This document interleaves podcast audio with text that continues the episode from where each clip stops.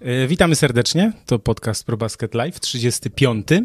Poczekajcie, ja sobie poprawię zaraz dobrze mikrofon. To ja będę mówił. Michał Pacuda. Krzysztof Sendecki.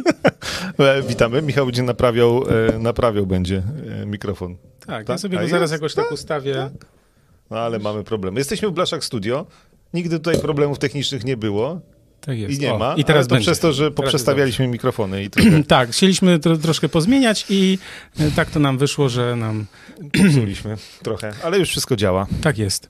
E, Dobrze, a więc tak, przedstawiliśmy się. Nam jest bardzo miło. Blaszak Studio przypominamy. Będziemy czytać komentarze. Oczywiście zachęcamy do e, zadawania pewnych pytań. Będziemy też o różnych rzeczach mówić w trakcie. Mamy taki sobie scenariusz obraliśmy. Najpierw Krzysiek podsumuje dwa tygodnie ostatnie, bo jak wiecie, wi- widzimy się, spotykamy się co dwa tygodnie.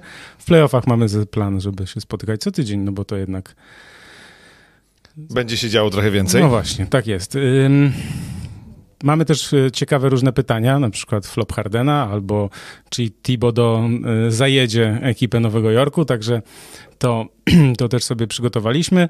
No i zrobimy sobie y, wybór w, no, do meczu gwiazd, więc ja będę Lebronem, Krzysiek będzie Kevinem Durantem. No takie życie, no sorry. Zobaczymy, co z tego wyjdzie. Tak, pogadamy o Lakers, o LeBronie, o logo NBA, o Damianie Lillardzie, o Wiktorze Oladipo. E, także będzie sporo tematów. E, Postaramy się odpowiadać na wasze pytania, wy pamiętajcie o łapkach w górę i subskrypcjach. tak jest. Mm, ale pytań jest coraz więcej, mamy coraz większe z tym problemy, ale postaramy się. Ogarniemy, ogarniemy. Ogarniemy. Dobra, jedziemy z podsumowaniem ostatnich dwóch tygodni. Y, Zachód na początek. U, dobrze. U, y, Dwa tygodnie y, temu mówiliśmy dużo o Utah Jazz. Od Utah Jazz też zacznę. Utah Jazz wciąż wyglądają pięknie, chociaż ostatniej nocy przegrali z Pelicans i to był akurat taki mecz, w którym się okazało, że Utah Jazz można pokonać. Na przykład jak się ma Zajona, który pakował się w pomalowane i albo w albo w powietrzu przepychał Rudiego Goberta jak chciał, więc e, naprawdę duży szacun i mm, Zion, szczególnie w trzeciej kwarcie, gdzie Pelicans zbudowali przewagę, e, no, przyczynił się do zwycięstwa nad Utah Jazz. I to ciekawe, bo Pelicans jest drużyna, która praktycz- praktycznie nie rzuca za trzy.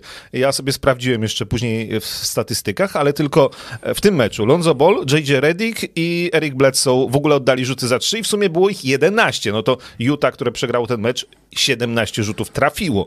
E, Bo oni oddają po 40-50. no tak, No bo tam było ponad 40, więc jakby mimo tych e, trójek i mimo świetnej, e, świetnej skuteczności Bojana Bogdanowicza, Utah ten mecz przegrało, ale ja o kryzysie Utah e, nie chciałbym mówić, bo ja go jeszcze nie widzę. E, Czytałem już, że trzy porażki w sześciu meczach, tylko tak popatrzymy na te porażki, no dobra, ta z Pelicans ok, mogła się nie przydarzyć, natomiast e, wcześniej było Miami, gdzie tam Adebayo i Butler się otarli o triple-double i porażka minimalna z Clippers, gdzie dzień wcześniej oni z Clippers wygrali, więc spokojnie Utah Jazz mają bilans 27-8, są jedyną drużyną, która ma poniżej 10 porażek i to tak całkiem sporo poniżej 10, no bo właśnie 8, a następni Lakers już 11, E, więc Utah Jazz e, cały czas e, oglądajcie, bo warto, najbardziej zespołowa koszykówka w, w, w, w NBA w tym momencie. Tak, Jakby za- ta- zachwycaliśmy się Utah Jazz i cały czas y, nie zmieniamy zdania na ten Tak, temat. jakby, jakby tak grali Lakers albo Brooklyn, to byśmy mówili kandydaci do mistrzostwa NBA, a ponieważ to jest Utah Jazz, to jeszcze tego tak głośno nie mówimy, ale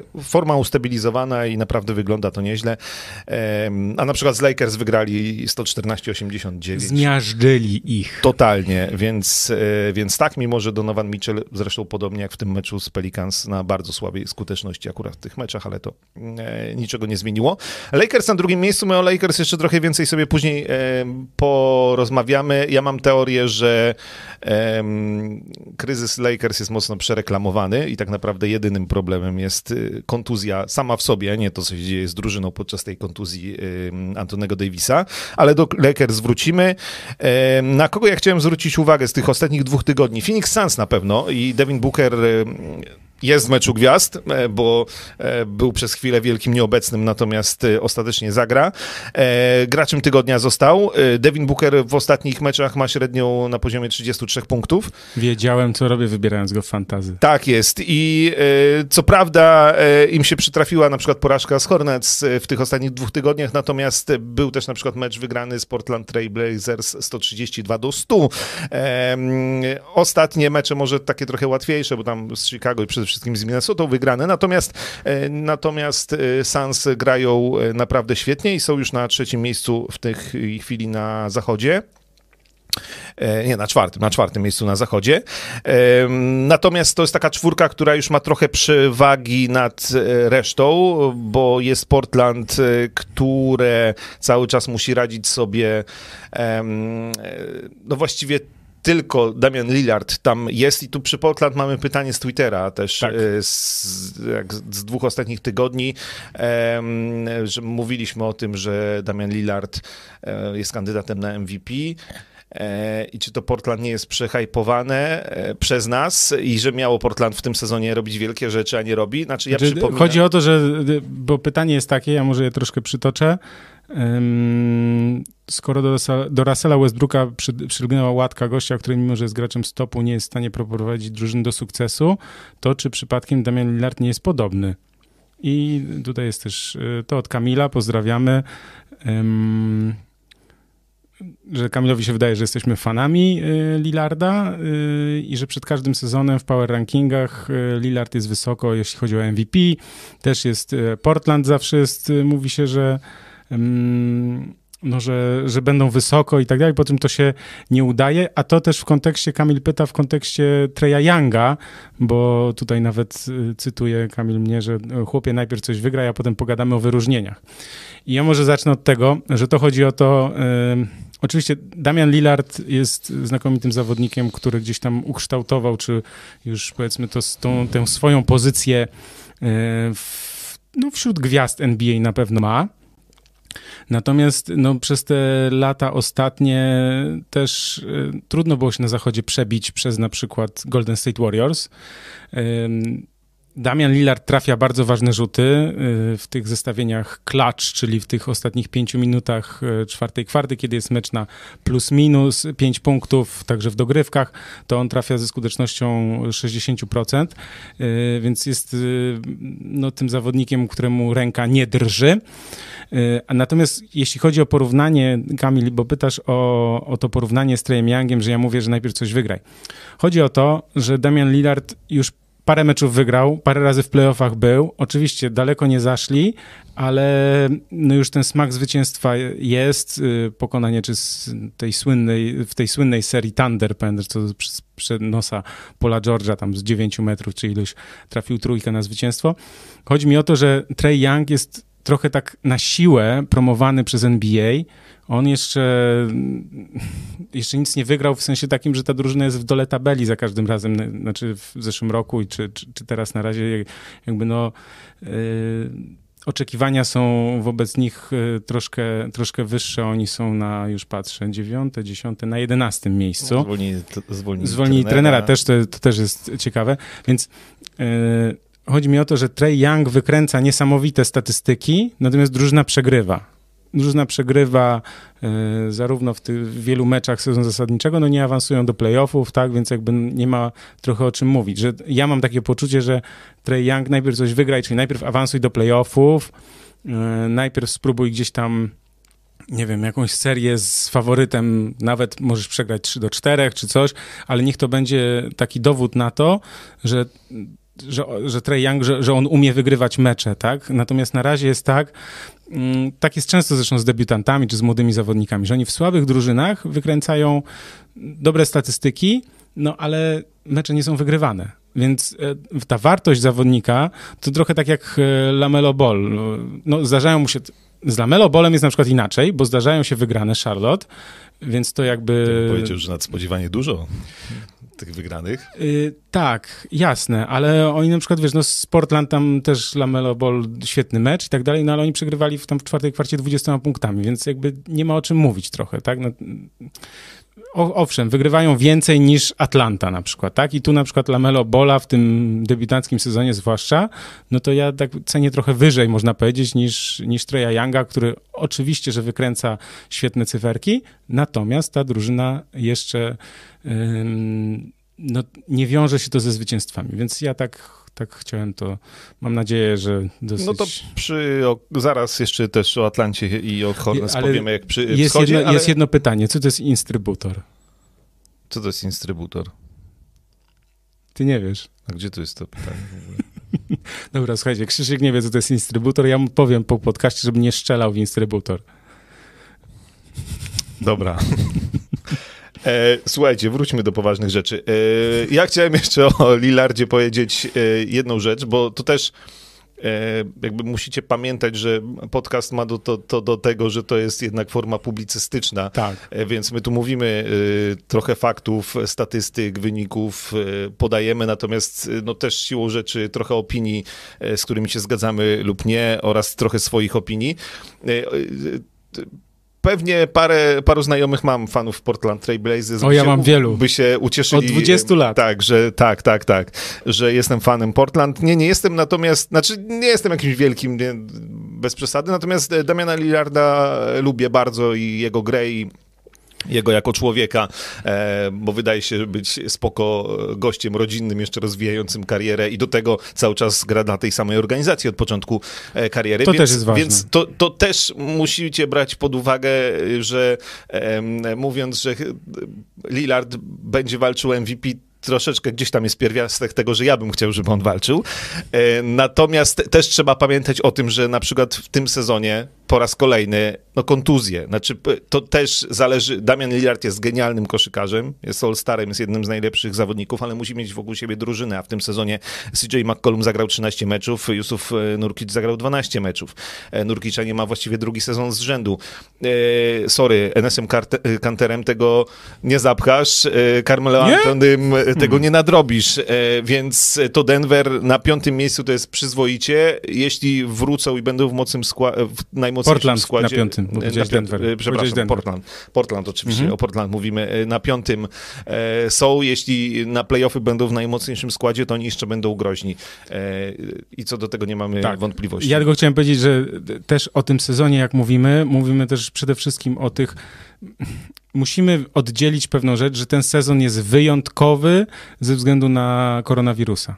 Jest jakieś pytanie śmieszne, tak? Nie, no dobra, dalej ten z tym tam stacją. Będę, nie oglądałem tego wideo, no wiem, wiem już o co chodzi. O, mm.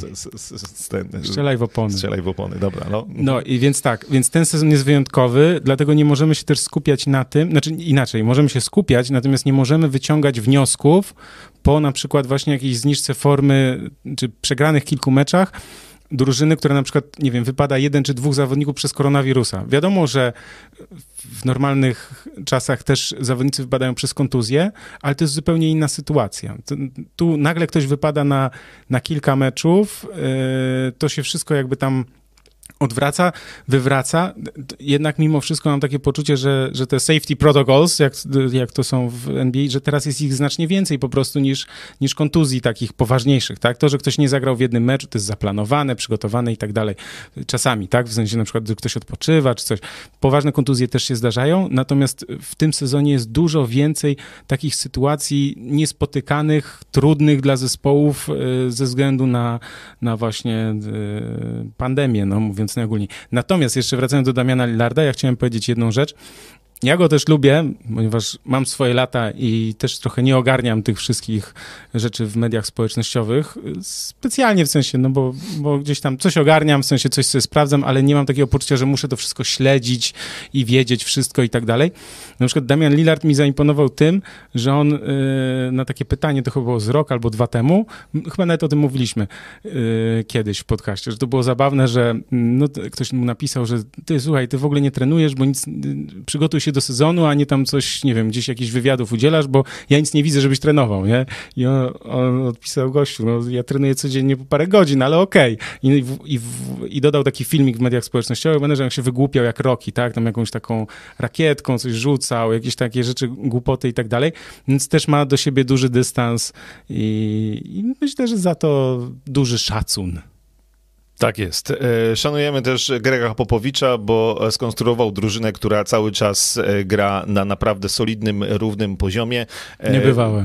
To jest niebywałe, bo tam nie ma tak naprawdę żadnych nazwisk oprócz jednego, bo zaraz powiem o Demarze DeRozanie, nową rzecz, którą przyuważyłem.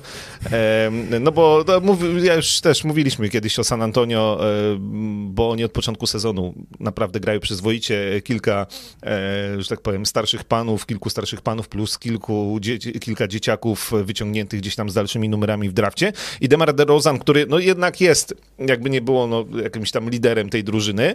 E, Demar DeRozan, o którym też mówiliśmy, że taki zawodnik, który trochę e, do obecnej koszykówki NBA nie pasuje, trochę taki rzucający w starym stylu, czyli z pół dystansu. Bez trójki. No. E, natomiast Demar DeRozan u Popowicza stał się kreatorem gry.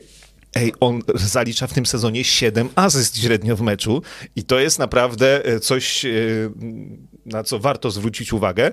I on sobie tam w ciszy, bo w tym, przy okazji tego rocznego meczu gwiazd w ogóle nie było dyskusji, Demara DeRozana nie ma. E, natomiast w ciszy i spokoju to San Antonio tam sobie cichutko na szóstym miejscu w tej chwili jest. No i przecież za San Antonio w tym momencie jest Denver, y, jest Golden State, jest Mavericks, jest Grizzlies. Grizzlies akurat y, ok, natomiast te trzy drużyny Denver, e, Golden State i Dallas to są drużyny ciągnięte za uszy przez, e, no, przez tych kandydatów do MVP, czyli przez Nikolaj Jokicia, e, Stefa Kerego i Lukę Doncicza.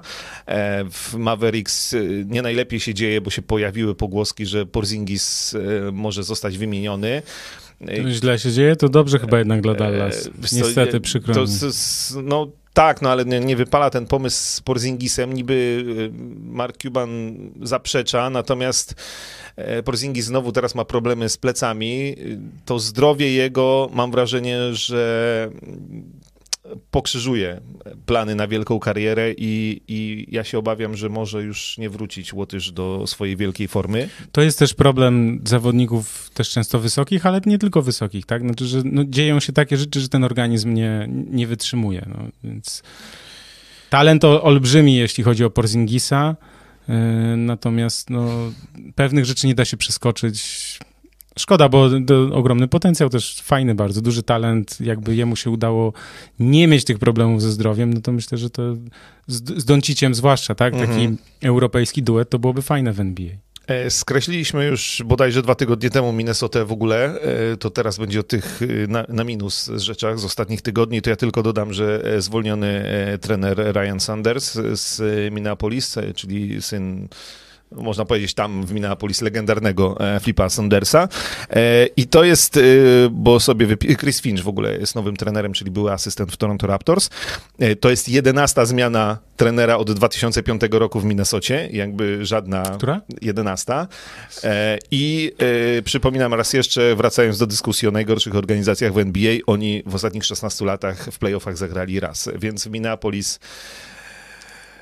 wszystko fajnie, tylko y, porządnej drużyny koszykówki nie ma. Niestety. Jak mawiał mój znajomy, fajnie, fajnie, nie za fajnie. No, a ten poziom osiągnęli również już Minnesoty w tym sezonie Houston Rockets.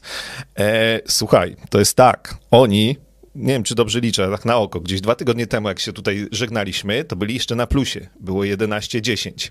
11 granych, 10 Houston, porażek. Tak? tak? Houston. Oni przegrali 12 ostatnich meczów. 12 meczów z rzędu idą Tankowanie, na no są trochę przed północą. Idą, idą po, na poważny rekord. E, mają już w tej chwili 11-22, e, 11 zwycięstw, 22 porażki. E, jak e, coś tam jeszcze Wall i Oladipo rzucają, to kończy się na przykład e, dosyć niewysoką porażką z Cleveland, jak miliona nocy. Natomiast mam jeden mecz, oczywiście nie, Jezus, nie oglądałem go, wiem. ale później wiesz, no ej, z Memphis u siebie w hali 133 do 84. No to pod kilkoma względami to był rekordowy wynik 49 punktów różnicy, ale to jeszcze nic, no bo to ten wynik to już jest w ogóle y, kosmos, nie? I w ogóle tam w ogóle rezerwowi Grizzlies zdobyli więcej punktów niż Houston Rockets, y, czyli e, te 84. Natomiast uważaj, John Wall to, co przykuło moją uwagę. Statystyki Johna Walla z tego meczu. E, quarter double? Quarter double? Po, po, posłuchaj. 4 na 16 za 2, czyli 25%. No. 0 na 5 za 3, czyli uciłał 14 punktów na e, fatalnej, kompromitującej skuteczności i do tego 0 asyst, 0 zbiórek, 5 strat. Po prostu e, All-Star pełną gębą John Wall, e, gwiazdę. No dobra, ale to tam jeden wypadek przy pracy, ale rzeczywiście, ja sobie odpaliłem od razu jego statystyki. No, słuchaj, to jest też tak, że Houston chyba zaraz pójdą drogą Minnesoty, to znaczy, że stwierdzą, że Oladipo trzeba puścić. Znaczy PJ Oladipo Tuckera- chyba nie dał im za bardzo wyboru, bo to Tak. też przy okazji tych omawiania dwóch tygodni, no to powiedzmy, że Houston zaproponowali Oladipo przedłużenie kontraktu. Mhm. Maksymalne, jeśli chodzi o pieniądze, jakie mogli mu dać, maksymalne, jeśli chodzi o czas, to jest dwuletnia umowa. No i Oladipo generalnie podziękował, tłumacząc, że mu zależy jednak na dłuższym kontrakcie, no więc takiego Houston mu dać nie mogą. E, no i wszystko chyba zgodnie z planem, który zakładał od samego początku, że Oladipo przychodzi do Houston, żeby sobie pograć do końca obecnego kontraktu i pójść e, za duży hajs gdzieś indziej. Czyli na przykład do Miami. No o Miami podobno się najwięcej mówi, bo podobno to jego marzenie grać w Miami. Natomiast y, No i to się, może, to się może zdarzyć, tak? To się może wydarzyć. Jedna rzecz bardzo ważna, jeśli chodzi o. Bo zaraz dokończysz podsumowanie, bardzo yy, znakomite. Natomiast yy, musimy pamiętać o tym. 25 marca z, zamyka się okienko transferowe. Dlaczego teraz jeszcze nie ma ruchów? Ponieważ jest więcej drużyn zainteresowanych tym, żeby tych ruchów nie wykonywać, ponieważ mamy nie tylko ósemkę playoffy, ale pamiętajmy, że mamy dziewiąte i dziesiąte miejsce, tak, grające w tym play-in. Więc więcej drużyn myśli sobie jeszcze, kurczę, jeszcze może się wślizgniemy do tych playoffów, zobaczymy jak to będzie. Na razie chodzi mi o to, że drużyny nie chcą na razie się wyprzedawać, że tak to ujmę, z zawodników dobrych, którzy mogą ich do tych e, playoffów e, zaprowadzić. Oczywiście, że taki zespół jak Minnesota, myślę, że Houston też już nie ma, nie ma o czym myśleć, chociaż słuchaj, 33 mecze rozegrane, 72 dopiero ma, 72 ma być sezon, tak? Więc jakby to też jest bardzo wcześnie, żeby, żeby to tak y, mówić, że to już jest koniec. Natomiast na, znaczy, musimy, to, musimy to- to wiedzieć właśnie, że, Mhm. że, że, że te ruchy transferowe będą pewnie dopiero około 25 marca, y, dopiero gdzieś tam kilka tych ruchów, y, kilka klubów wykona, właśnie z tego powodu, że jeszcze obserwują swoją sytuację w tabeli, tak? Czyli że jak już, nie wiem, zobaczą, zobaczyliby rok temu czy dwa lata temu duży dystans do, do ósmego miejsca, odpuściliby, tak? Ale jak widzą nieduży dystans do dziesiątego, to mówią, kurczę, może jeszcze zaryzykujemy. To jest, to jest taka wiedza tajemna, że tak powiem, powtarzana przez ekspertów ESPN i do której ja się przychylam też, bo, bo jakby widać to, że na razie wszystkie te doniesienia są takie, że wszyscy jeszcze badają rynek, obserwują, zastanawiają się i tak dalej. tak, no było tu na początku też czatu pytanie o An- Andre Dramonda. E, O. myślę, że to, że on pójść gdzieś to pójdzie, chociaż też tutaj e, dziennikarze amerykańscy są podzieleni, bo e, na przykład Adrian Wojnarowski pisał, jak dobrze pamiętam, że jeszcze z nikim rozmów w tej sprawie nie podjęto, natomiast e, też... e, Sądują. Są, ale też, że z Toronto, mm, jakby jest zainteresowanie i rozmowy z Toronto były. Natomiast jest kilka drużyn, ja myślę, że na- najbardziej to Boston Celtics na przykład by potrzebowali takiego Dramonda. E, Ale to on e, na, na pewno w, e, nie zostanie, na pewno pójdzie, e, na pewno będzie transfer, natomiast gdzie to No jeszcze nie wiemy. Tak, bo on, ma, bo on ma tylko rok tego, znaczy jemu się kończy ta umowa, więc możesz zaryzykować, tak? Na przykład, Mhm. no, wiesz, znaczy, jakbym był Los Angeles Lakers, to bym się zabezpieczył i go po prostu przyjął z otwartymi ramionami, bo mam ogromne pieniądze ze stacji telewizyjnej, ze, ze wszystkich innych rzeczy i jakby na to, na to mnie stać. Natomiast w przypadku, nie wiem, na przykład tak jak mówiliśmy dwa tygodnie temu, tak, Blake'a Griffina, no to tych chętnych jednak może nie być, po prostu mówiąc, mówiąc wprost. No. E, Tutaj jeszcze na czasie nam się pojawiło odnośnie Houston e, sprawa Demarcusa Kazinsa e, i że d, generalnie dziwny to ruch, zwolnienie go ze strony Houston. E, Marcin Pankowski tu nam wyjaśnia, że z tym tankowaniem w Houston to może być problem, bo oni tam mają skomplikowaną sytuację z Tak, tak, tak, tak, tak, tak, tak. Natomiast je, jedyne, co ja mogę powiedzieć, jak pierwsza myśl, która mi przyszła po tym, jak dowiedziałem się, że Demarcus Cousins został zwolniony przez Houston, co mnie też trochę dziwi, to pomyślałem sobie, Jezu, ale to jest w ogóle bullshit, te wszystkie, wiesz, historyjki e, Tak, medialne że- opowiadane, że jed, z jednej szkoły, z Wolem, super koledzy, będą teraz fantastycznie w drużynie. W ogóle cała otoczka, wszystko pięknie, a na końcu gdzieś tam są pieniądze, biznes i nie ma żadnych skrupułów. Ale i... to też jest dziwne. Ale, dzi- Wiesz co, ale nie, jest, znaczy się... ja to rozumiem. y, Z jednej strony jest to dziwne, bo y, to nie byłyby duże pieniądze, zwłaszcza, że Christian Wood jest kontuzjowany, tak? Ma problemy ze zdrowiem, więc, y, więc dziwne jest to, że oni się pozbywają zawodnika y, podkoszowego w takim momencie. Natomiast ja mam taką teorię ogólnie, jeśli chodzi o Kazinsa, że on po prostu nie pasuje nigdzie. On nie pasuje do żadnej drużyny. To znaczy, jego styl gry jest taki. Nie wiem, obciążający, obciążający drużynę, że on spowalnia tę grę. On Zapraszamy oczywiście. do Europy.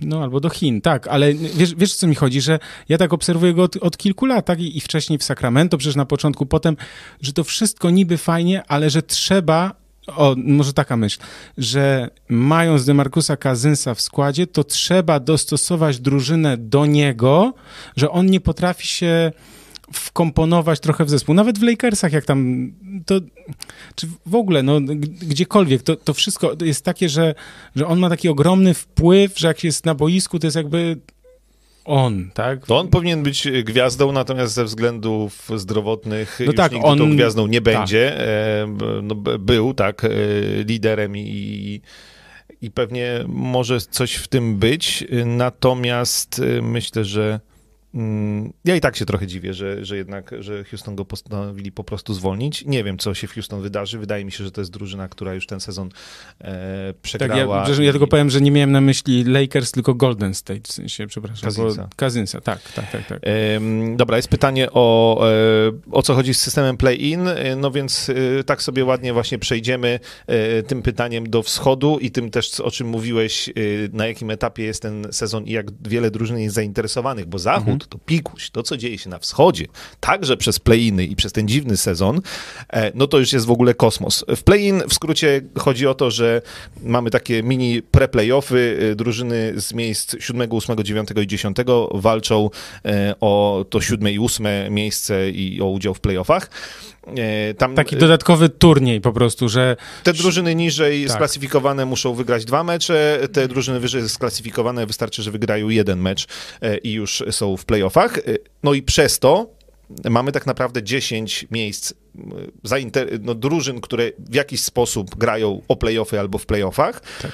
E, I na wschodzie, i tu się cieszę, bo nasza teoria sprzed sezonu się bardzo sprawdziła, bo mówiliśmy, wschód nie będzie oczywiście mocniejszy od zachodu, natomiast wschód będzie w tym sezonie bardzo wyrównany i wschód jest w tym sezonie tak wyrównany, że, my, że nawet ja nie myślałem, że aż tak bardzo będzie. Znaczy mamy Filadelfię, mamy e, Brooklyn i mamy Milwaukee, a później jest... wszyscy prawie e, leży na 50% następnych ta- parę drużyn. P- Później jest 10, wiesz, y, ta y, kolizja, katastrofa w ruchu lądowym na 4-10 samochodów stoi No tak, bo jak zderzonych. spojrzycie w tabelę, to od czwartego miejsca do Na czwartym miejscu e, Nowy Jork. to no, New York Knicks mają bilans 18-17, a 12 miejsce, a 13 miejsce, 14 miejsce Magic mają 13-22, czyli różnica jest pięciu zwycięstw między czwartą a 14 drużyną. Tak naprawdę, no pewnie Detroit Pistons już się wypisali z wyścigu o play-in, natomiast 14 drużyn jest w grze o playoffy na wschodzie. E, I to, co tam się dzieje od tego miejsca czwartego do 14, to jest w ogóle kosmos i jak ktoś chciałby mm, dzisiaj e, przewidzieć, kto będzie w playoffach, a kogo nie będzie, to naprawdę duży szacun, jeśli ktoś to dobrze obstawi. Bo w tym momencie, tak, jeszcze raz powtórzmy, na czwartym miejscu są New York Knicks. E, o New York Knicks też było tutaj sporo pytań, więc może chwilę o nich porozmawiajmy. Dobrze. E, natomiast e, zanim powiem, to wydaje mi się, że oni tego czwartego miejsca nie utrzymają, bo New York Knicks nie mają cudownej drużyny, fantastycznej, ale mają solidną drużynę z porządną obroną. W tym momencie, w tej takiej najprostszej statystyce traconych punktów mają najlepszą obronę. Oczywiście mają problemy z atakiem, czasami bardzo spore, natomiast obronę ustawioną przez Thibodeau mają dobrą. To jest dobry prognostyk na playoffy. To jest dobry prognostyk na playoff. E, pytania były na Twitterze o to, czy Thibodeau e, nie zajedzie, mm, ktoś tu napisał Juliusza Rondla ładnie, e, i jego kolegów. Natomiast My i też przypominaliście na Twitterze, że myśmy właściwie się wypowiedzieli w kontekście Derricka Rosa w tej sprawie, że no nie wiem, może przydałyby się porządne badania medyczne na ten temat, jakieś głębsze. No, może ja się nie do końca znam, ale wydaje mi się, że, że nie. Znaczy Derrick Rose okej, okay, miał kontuzję dwóch kolan, ale to nie ma w tym winy Toma Thibodeau i ja jestem daleki od tego, żeby mówić, że Thibodeau zniszczył mu karierę. Tak samo jak jestem daleki od tego, żeby mm. oceniać, że, bo też padły w, na Twitterze nazwiska Luola Denga i Joaquima Noah, który swoją drogą właśnie skończył karierę. Natomiast ja sobie przypominam, że Luol Deng to jeszcze ze dwa sezony całkiem solidne w Miami zagrał.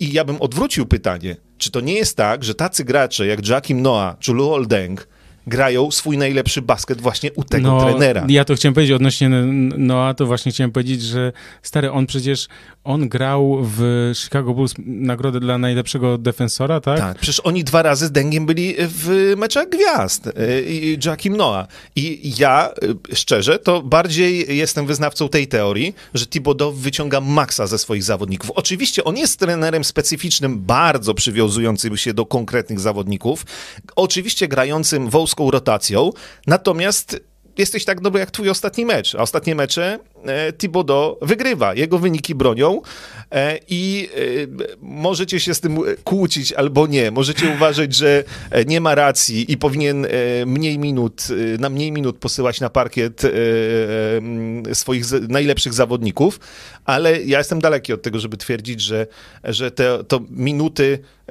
duże minuty później jakby ci zawodnicy są zajechani mhm. i sprawdziłem sobie na wszelki wypadek. Teraz uważaj. Oczywiście możemy też powiedzieć, że LeBron James jest cyborgiem, natomiast LeBron jest. James ma średnią minut w karierze 38,5, a za młodu to grywał i powyżej 40 minut średnio. E, Kobe Bryant e, to samo. No, w NBA gra się dużo i liderzy grają jeszcze więcej. Ja mam jeszcze jeden znakomity przykład. James Harden który po prostu y, grał, ja tu zerknąłem sobie, Houston, 38, 38, 37, 38, 36,5, 35, 37, 37, 36 i teraz ma w Brooklyn Nets 38. Słuchaj, to jest tak, że jak zdrowie pozwala, to grasz. Najważniejsze jest to, czego zabrakło w Golden State Warriors, po tym to też opowiadaliśmy, jak to jest taka, była taka pani od tak zwanych obciążeń fizycznych, tak? To technologia poszła tam w ogóle w sporcie niesamowicie.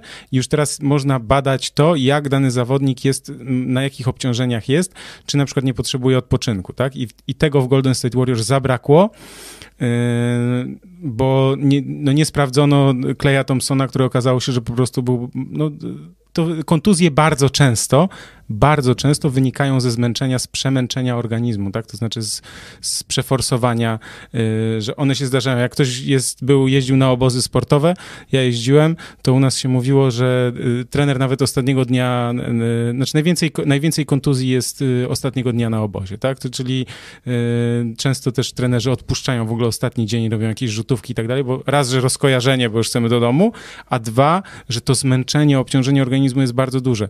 I wiesz, James Harden mówi na przykład, że on nie będzie odpoczywał, bo on jest, wiesz, no hooper, no on, on gra w basket, w ogóle nie ma jak, jak nie potrzebuje, to nie, to wiesz, tak samo jak LeBron, tak? Mówi teraz. Więc jakby tutaj y, ja się przychylam do twojej opinii. Myślę, że czasem pewnych rzeczy nie da się przewidzieć, bo nie wiem, upadku jakiegoś na czyjąś nogę i tak dalej, to się nie da przewidzieć, to wiadomo. Natomiast, wiesz, no to są takie też przykłady też y, specyfiki zawodników. Ja pamiętam ze swoich tam roczników czy młodszych i tak dalej, że byli tacy zawodnicy, co ja zrobił tam, przewrócił się fikołek tam gdzieś w tłoku i tak dalej, ręka złamana, noga skręcona. No a wychodzi Tomek Ochońko, słuchaj, prze, przewrót w przód, przewalili go tam, przewrócił się, spadł w ogóle z metra i tak dalej na nadgarstek, wszyscy mówią, Jezus Maria, na kontuzję. On wstał się, otrzepał, jestem. Tak więc jakby to też jest trochę przypadku, a też trochę kwestia organizmu po znaczy, prostu. My się zgadzamy, że Thibodeau mm, okay, to jest, jest dziwny gość. Jest, to jest, jest dziwny jest gość. dziwnym trenerem, natomiast ja bym nie przesadzał z tym, że e, zajedzie m, mm, swoich zawodników, zajedzie Juliusa Randla. Słuchaj, Popatrz. Randall, nie, poczekaj, Randall wszedł w ten sezon, widać, że on, wiesz, nie było ich w bańce, on widać, że po prostu tak trenował mocno, ciężko, w sensie, te, przecież on był y, kolegą tak zwanym miśkiem i nagle te zdjęcia z wakacji, że on tu, wiesz, no na sześciopak na brzuchu, tak, więc jakby on doszedł też do takiej formy swojej fizycznej, no dzięki temu treningowi, ale jeszcze jest jedna rzecz, czy on zajedzie, wiecie, no teraz praktycznie nie ma, drużyny NBA prawie, praktycznie nie trenują, tak? Znaczy one trenują w jakichś tam też obostrzeniach, indywidualnie i tak dalej. To też nie jest tak, chy, chyba, tu by trzeba się dowiedzieć, sprawdzić, też to trudne jest do sprawdzenia oczywiście. Jakbyśmy byli blisko drużyny, to byśmy się dowiedzieli.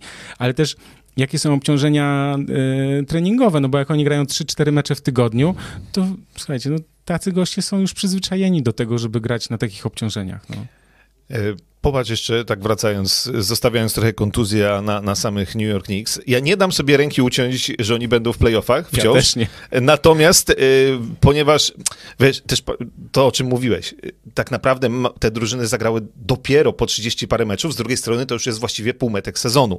Więc jeśli Knicks wygrają kolejne 18, a 18 już wygrali, no to oczywiście są teraz w dobrej sytuacji do tego, żeby przynajmniej w play-in być. Niech się cieszą, niech chwilę trwa i są na czwartym miejscu. Natomiast jeszcze jedna rzecz a propos Juliusa Randla. On jest All-Starem. Przypomnij sobie, jak New York Knicks go podpisywali. Mówiliśmy, wielkie zapowiedzi, wielkie nazwiska. O, podpisali, wiesz, Julius Randle przychodzi do Knicks. Aha, mm. okej, okay, fajnie, no. Jak, no tak, no bo, wiesz, jak bo miał, zwykle, być, miał być Kevin Durant tak. i Kyrie Irving. No, no. Z, znowu, wiesz, w Knicks nic nie wyszło, nie? Trzy lata, 63 miliony dolarów. Wyglądało wtedy, wow, chłop y, po prostu zarabia, dostaje nie wiadomo jakie pieniądze. No okej, okay, on był tam w Pelicans, e, powiedzmy się trochę rozwinął, no ale umówmy się, e, nikt y, wtedy nie widział jeszcze w nim e, All-Stara. Natomiast teraz to ta umowa z perspektywy Nowego Jorku wygląda więcej niż dobrze. I znowu pytanie, czy y, Thibodeau go zajedzie, a może Thibodeau znowu y, z kolejnego zawodnika wyciągnie robi, Maxa. wyciąga Maxa i robi z niego All-Stara, z gracza, który może w innej drużynie nigdy by All-Starem nie był. Y, on w tym sezonie ma najlepsze statystyki w swojej karierze, prawie 23,5 punktu, ponad 5 asyst, prawie 11 zbiórek, 42% za 3 e, i w ogóle e, to, znaczy moim zdaniem w tym momencie Julius Randle to jest gość, który powinien dostać, jakby się sezon teraz kończył, oczywiście jeszcze mamy kawałek do końca, ale na ten moment to jest e, mój kandydat do nagrody największy postęp w rozgrywkach, bo to jest coś niesamowitego. E, oczywiście fajnie też wygląda RJ Barrett. Oczywiście Derrick Rose już w pierwszej piątce jednak wychodzi e, i też e, rzuca, nawet za trzy, raz lepiej, raz gorzej, ale przyzwoicie, bo też sprawdziłem, bo jakiś mecz oglądałem już tak nie za bardzo, natomiast sprawdziłem, on ma w tej chwili na poziomie 45% rzuty za trzy punkty, więc jak na Derricka Rose'a to jest w ogóle wybitnie. Prawie pięć asyst, to też jak na Derricka Rose'a to jest bardzo dużo. Mhm. I jeszcze oczywiście jest mowa o tym, że chciałby e, Thibodeau sprowadzić Karla Antonego Townsa, e, czyli kolejnego zawodnika, którego, e, do którego się przywiązał, będąc w Minnesocie. To będzie trudne, bo to o tym się to więcej chyba, mówi, tak. bo jakby Minnesota po pierwsze nie będzie chciała za bardzo, myślę, mimo wszystko, oddawać swojej największej gwiazdy, chociaż tam szkoda chłopa w tym Minneapolis, bo to jest zmarnowany talent w tym miejscu. No i ewentualna wymiana wymiana, no to nie wiem, no za RJ Barretta i jakieś piki w drafcie, to, to jest trudna rzecz. Pojawia się w mediach, że gdzieś tam Knicks krążą, pytają i chcieliby, natomiast mi się wydaje, że bardzo, bardzo trudne. Natomiast gdyby Carl Anthony Towns przyszedł do Nowego Jorku, no to wtedy już mógłbym sobie dać, nadciąć rękę za te playoffy dla, dla Knicks. E, ja patrzę, bo on podpisał w 2018 tak, taki gigantyczny no, kontrakt. ale mu obiecali, no. że wiesz, zbudują mu drużynę, no a to, to idzie jak, jak w Minnesocie, jak zwykle, no, tak. budowanie drużyny. E, słuchaj, ten sezon jeszcze jest dlatego dziwny i ta sytuacja na wschodzie jest dlatego też tak w tym momencie wyrównana, że tu połowa drużyn ma 17 albo 18 zwycięstw na koncie, że niektórzy trochę przespali początek sezonu. No tak, ale, ale też przez nieobecność różnych zawodników, tak? Czy no, kontuzje, Toronto czy... to akurat tak... No, Toronto to już tak... Toronto miało ciężki ten, ciężki terminarz, bo to, to, to też przy tych na razie niewielkiej liczbie meczów ale już w połowie sezonu. Tak. Też sobie tak tu wynotowałem, że e, właśnie ci, którzy przespali, czyli Miami Heat, no wiadomo, że tam nie było Jimmy'ego Butlera. E, oni wrócili do wygrywania w, ostatnich, w ostatnim czasie sześć zwycięstw z rzędu. I Miami Heat mają teoretycznie ba- e, tą drugą część sezonu łatwiejszą. Znaczy najbliższe mecze mają po prostu łatwiejszy terminarz. E, Raptors którzy rozpędzali się bardzo powoli. Mają najtrudniejszy? E, nie, właśnie mają jeszcze łatwiejszy, e, bo oni do tej pory grali e, tylko 15 meczów u siebie w znaczeniu w Tampie, czyli i tak nie u siebie. Natomiast teraz mają tylko jeden wyjazd na zachód do końca sezonu e, i bardzo, bardzo mm, dobry terminarz, więc Toronto Raptors i Miami Heat podejrzewam, że na koniec sezonu będą wyżej niż New York Knicks. Mhm. E, nie mam zielonego pojęcia, co będzie z Boston Celtics bo momentami mam wrażenie, że Kemba Walker jednak może być jednym z liderów tej drużyny, a za chwilę jednak stwierdzam, że nie. Oczywiście, nie.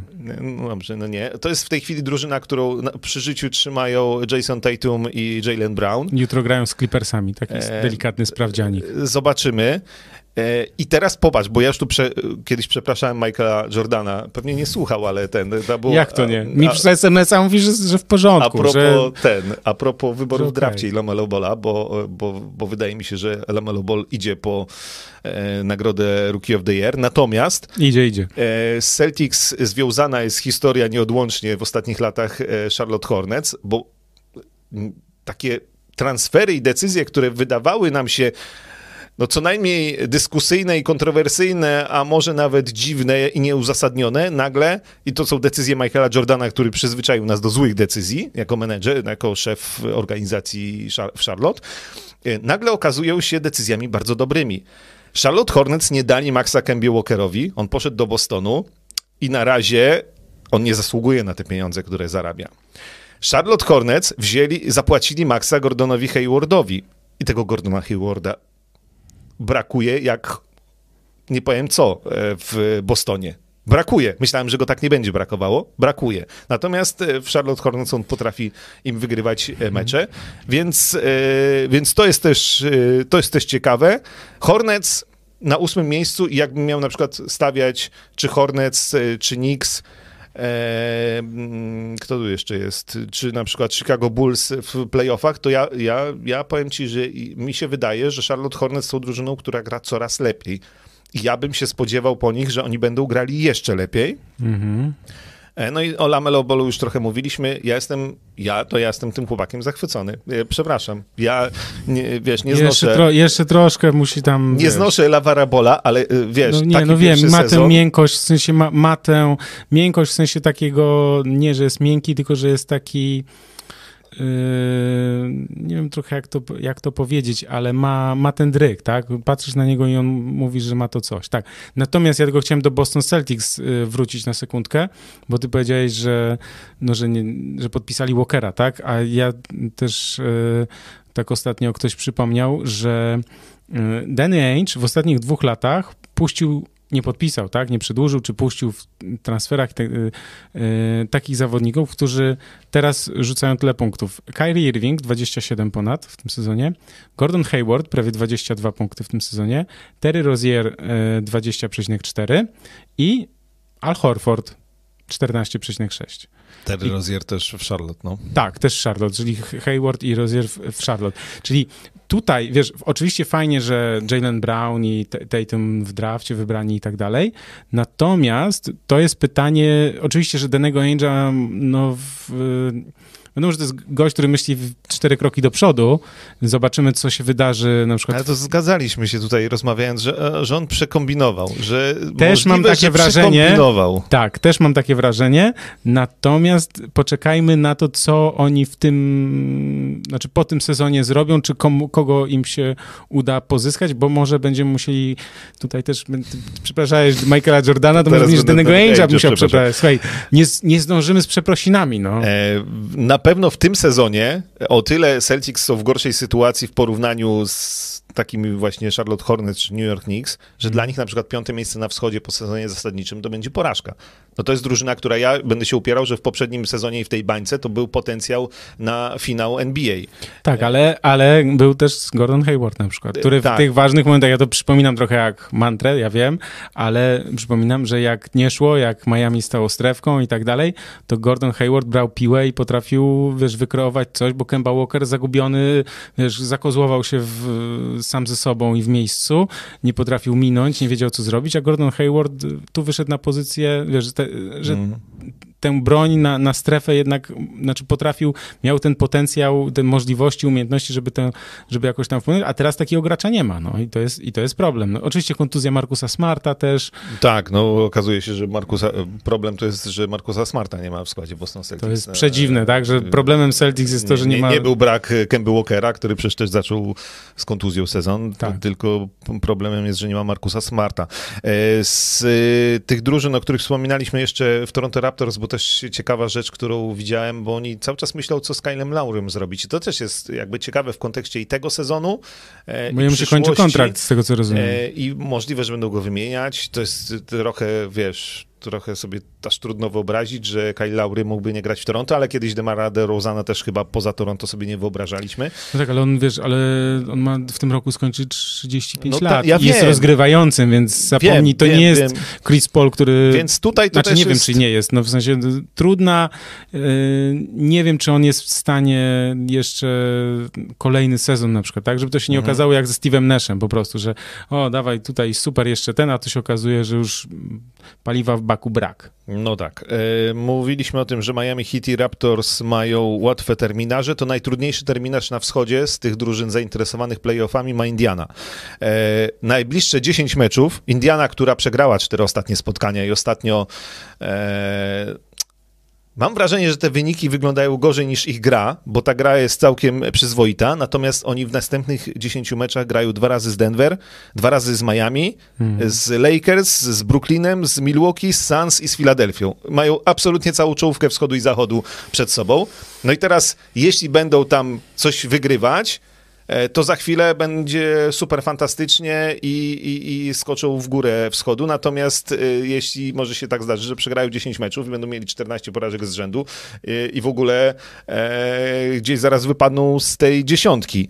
E, Ja, wiesz co, tylko jeszcze odnośnie Mhm. Laurego chciałem powiedzieć, taka myśl mi przyszła do głowy, że jemu się kończy kontrakt, że on byłby dobrym właśnie zawodnikiem y, do, jako taki backup, tak jak Mike Conley w Utah Jazz. mm.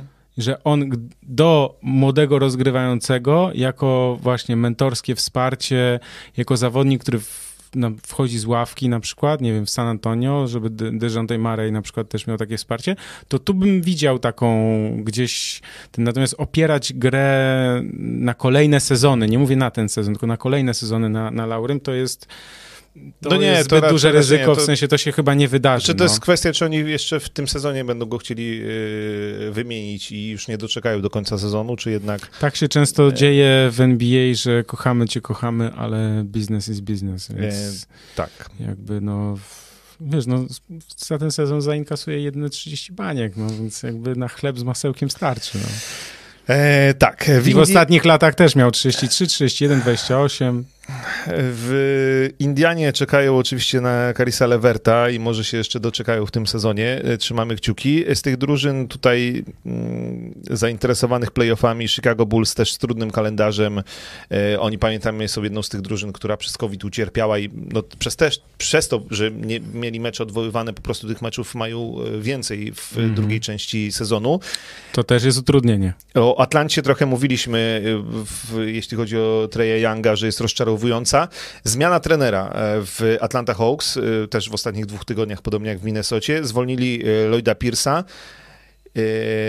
No Minnesota prawie, wróć, Atlanta prawie jak Houston w ostatnim czasie, y, 11 porażek w 15 ostatnich spotkaniach i zaczęli nie najgorzej, natomiast ostatnio grali fatalnie. Władze klubu mówią wprost, zwalniamy trenera, bo chcemy ratować ten sezon, bo my mamy skład na playoffy. A No bo mają. no, no nie, no mają. No myśmy też ich stawiali w playoffach raczej tak w miarę spokojnie w pierwszej ósemce. I teraz uważaj, to jest jedna fajna statystyka wypisana z The Athletic.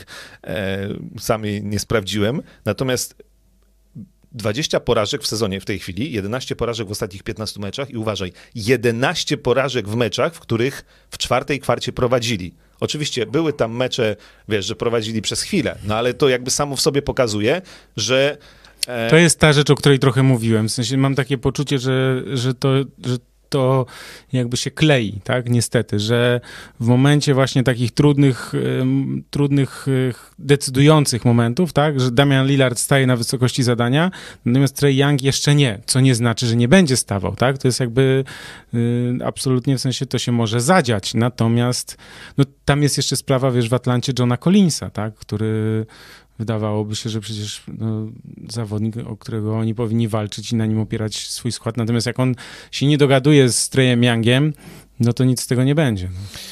E, więc przed Atlantą ciężkie chwile, no i ten mecz gwiazd, e, do którego zaraz dojdziemy w Atlancie, a Treja Younga w meczu gwiazd e, nie będzie, więc to też e, jakby pokłosie tej, tego słabego e, sezonu.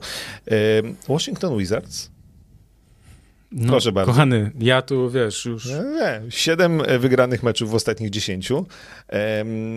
Nawet Russella Westbrooka da się oglądać. E, powiem ci, też przeczytałem e, fajny artykuł, no i tak to jest z artykułami podsyłanymi na Twitterze, chyba w Sports Illustrated, a odnośnie to był artykuł o Blake'u Griffinie, generalnie, że NBA to nie jest liga dla starych ludzi, natomiast był tam też przykład Russella Westbrooka, jakby porównania do Blake'a Griffina.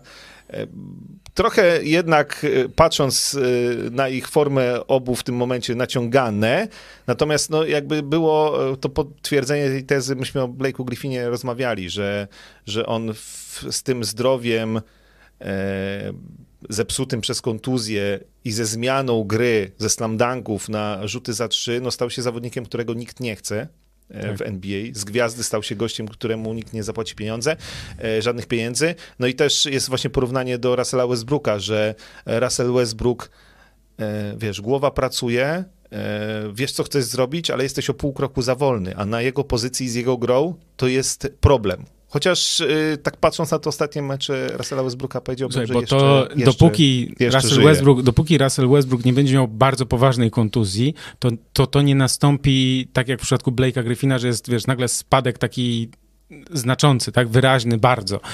U Russella Westbrooka u każdego zawodnika, który bazuje na dynamice przede wszystkim, tak? Czyli na właśnie na szybkości, na dynamice, a nie na tak zwanej też rutynce, rzucie i, i, i tak dalej, to to taka jest bardzo duże niebezpieczeństwo, czy, czy obawa, że właśnie no, no, starzeją się też, e, w sensie organizmy się starzeją, przychodzą młodzi, którzy są szybsi, bardziej dynamiczni, skoczniejsi i tak dalej. Nagle Russell Westbrook, wiesz, traci, niech on traci ten ułamek, tak, tego, co miał w ostatnich sezonach i już jest i już to widać, tak? U takiego gracza, nie wiem, jak Steph Curry na przykład, tego nie będzie widać. U Kevina Duranta nie będzie tego widać, bo on to nadrobi czymś innym, tak?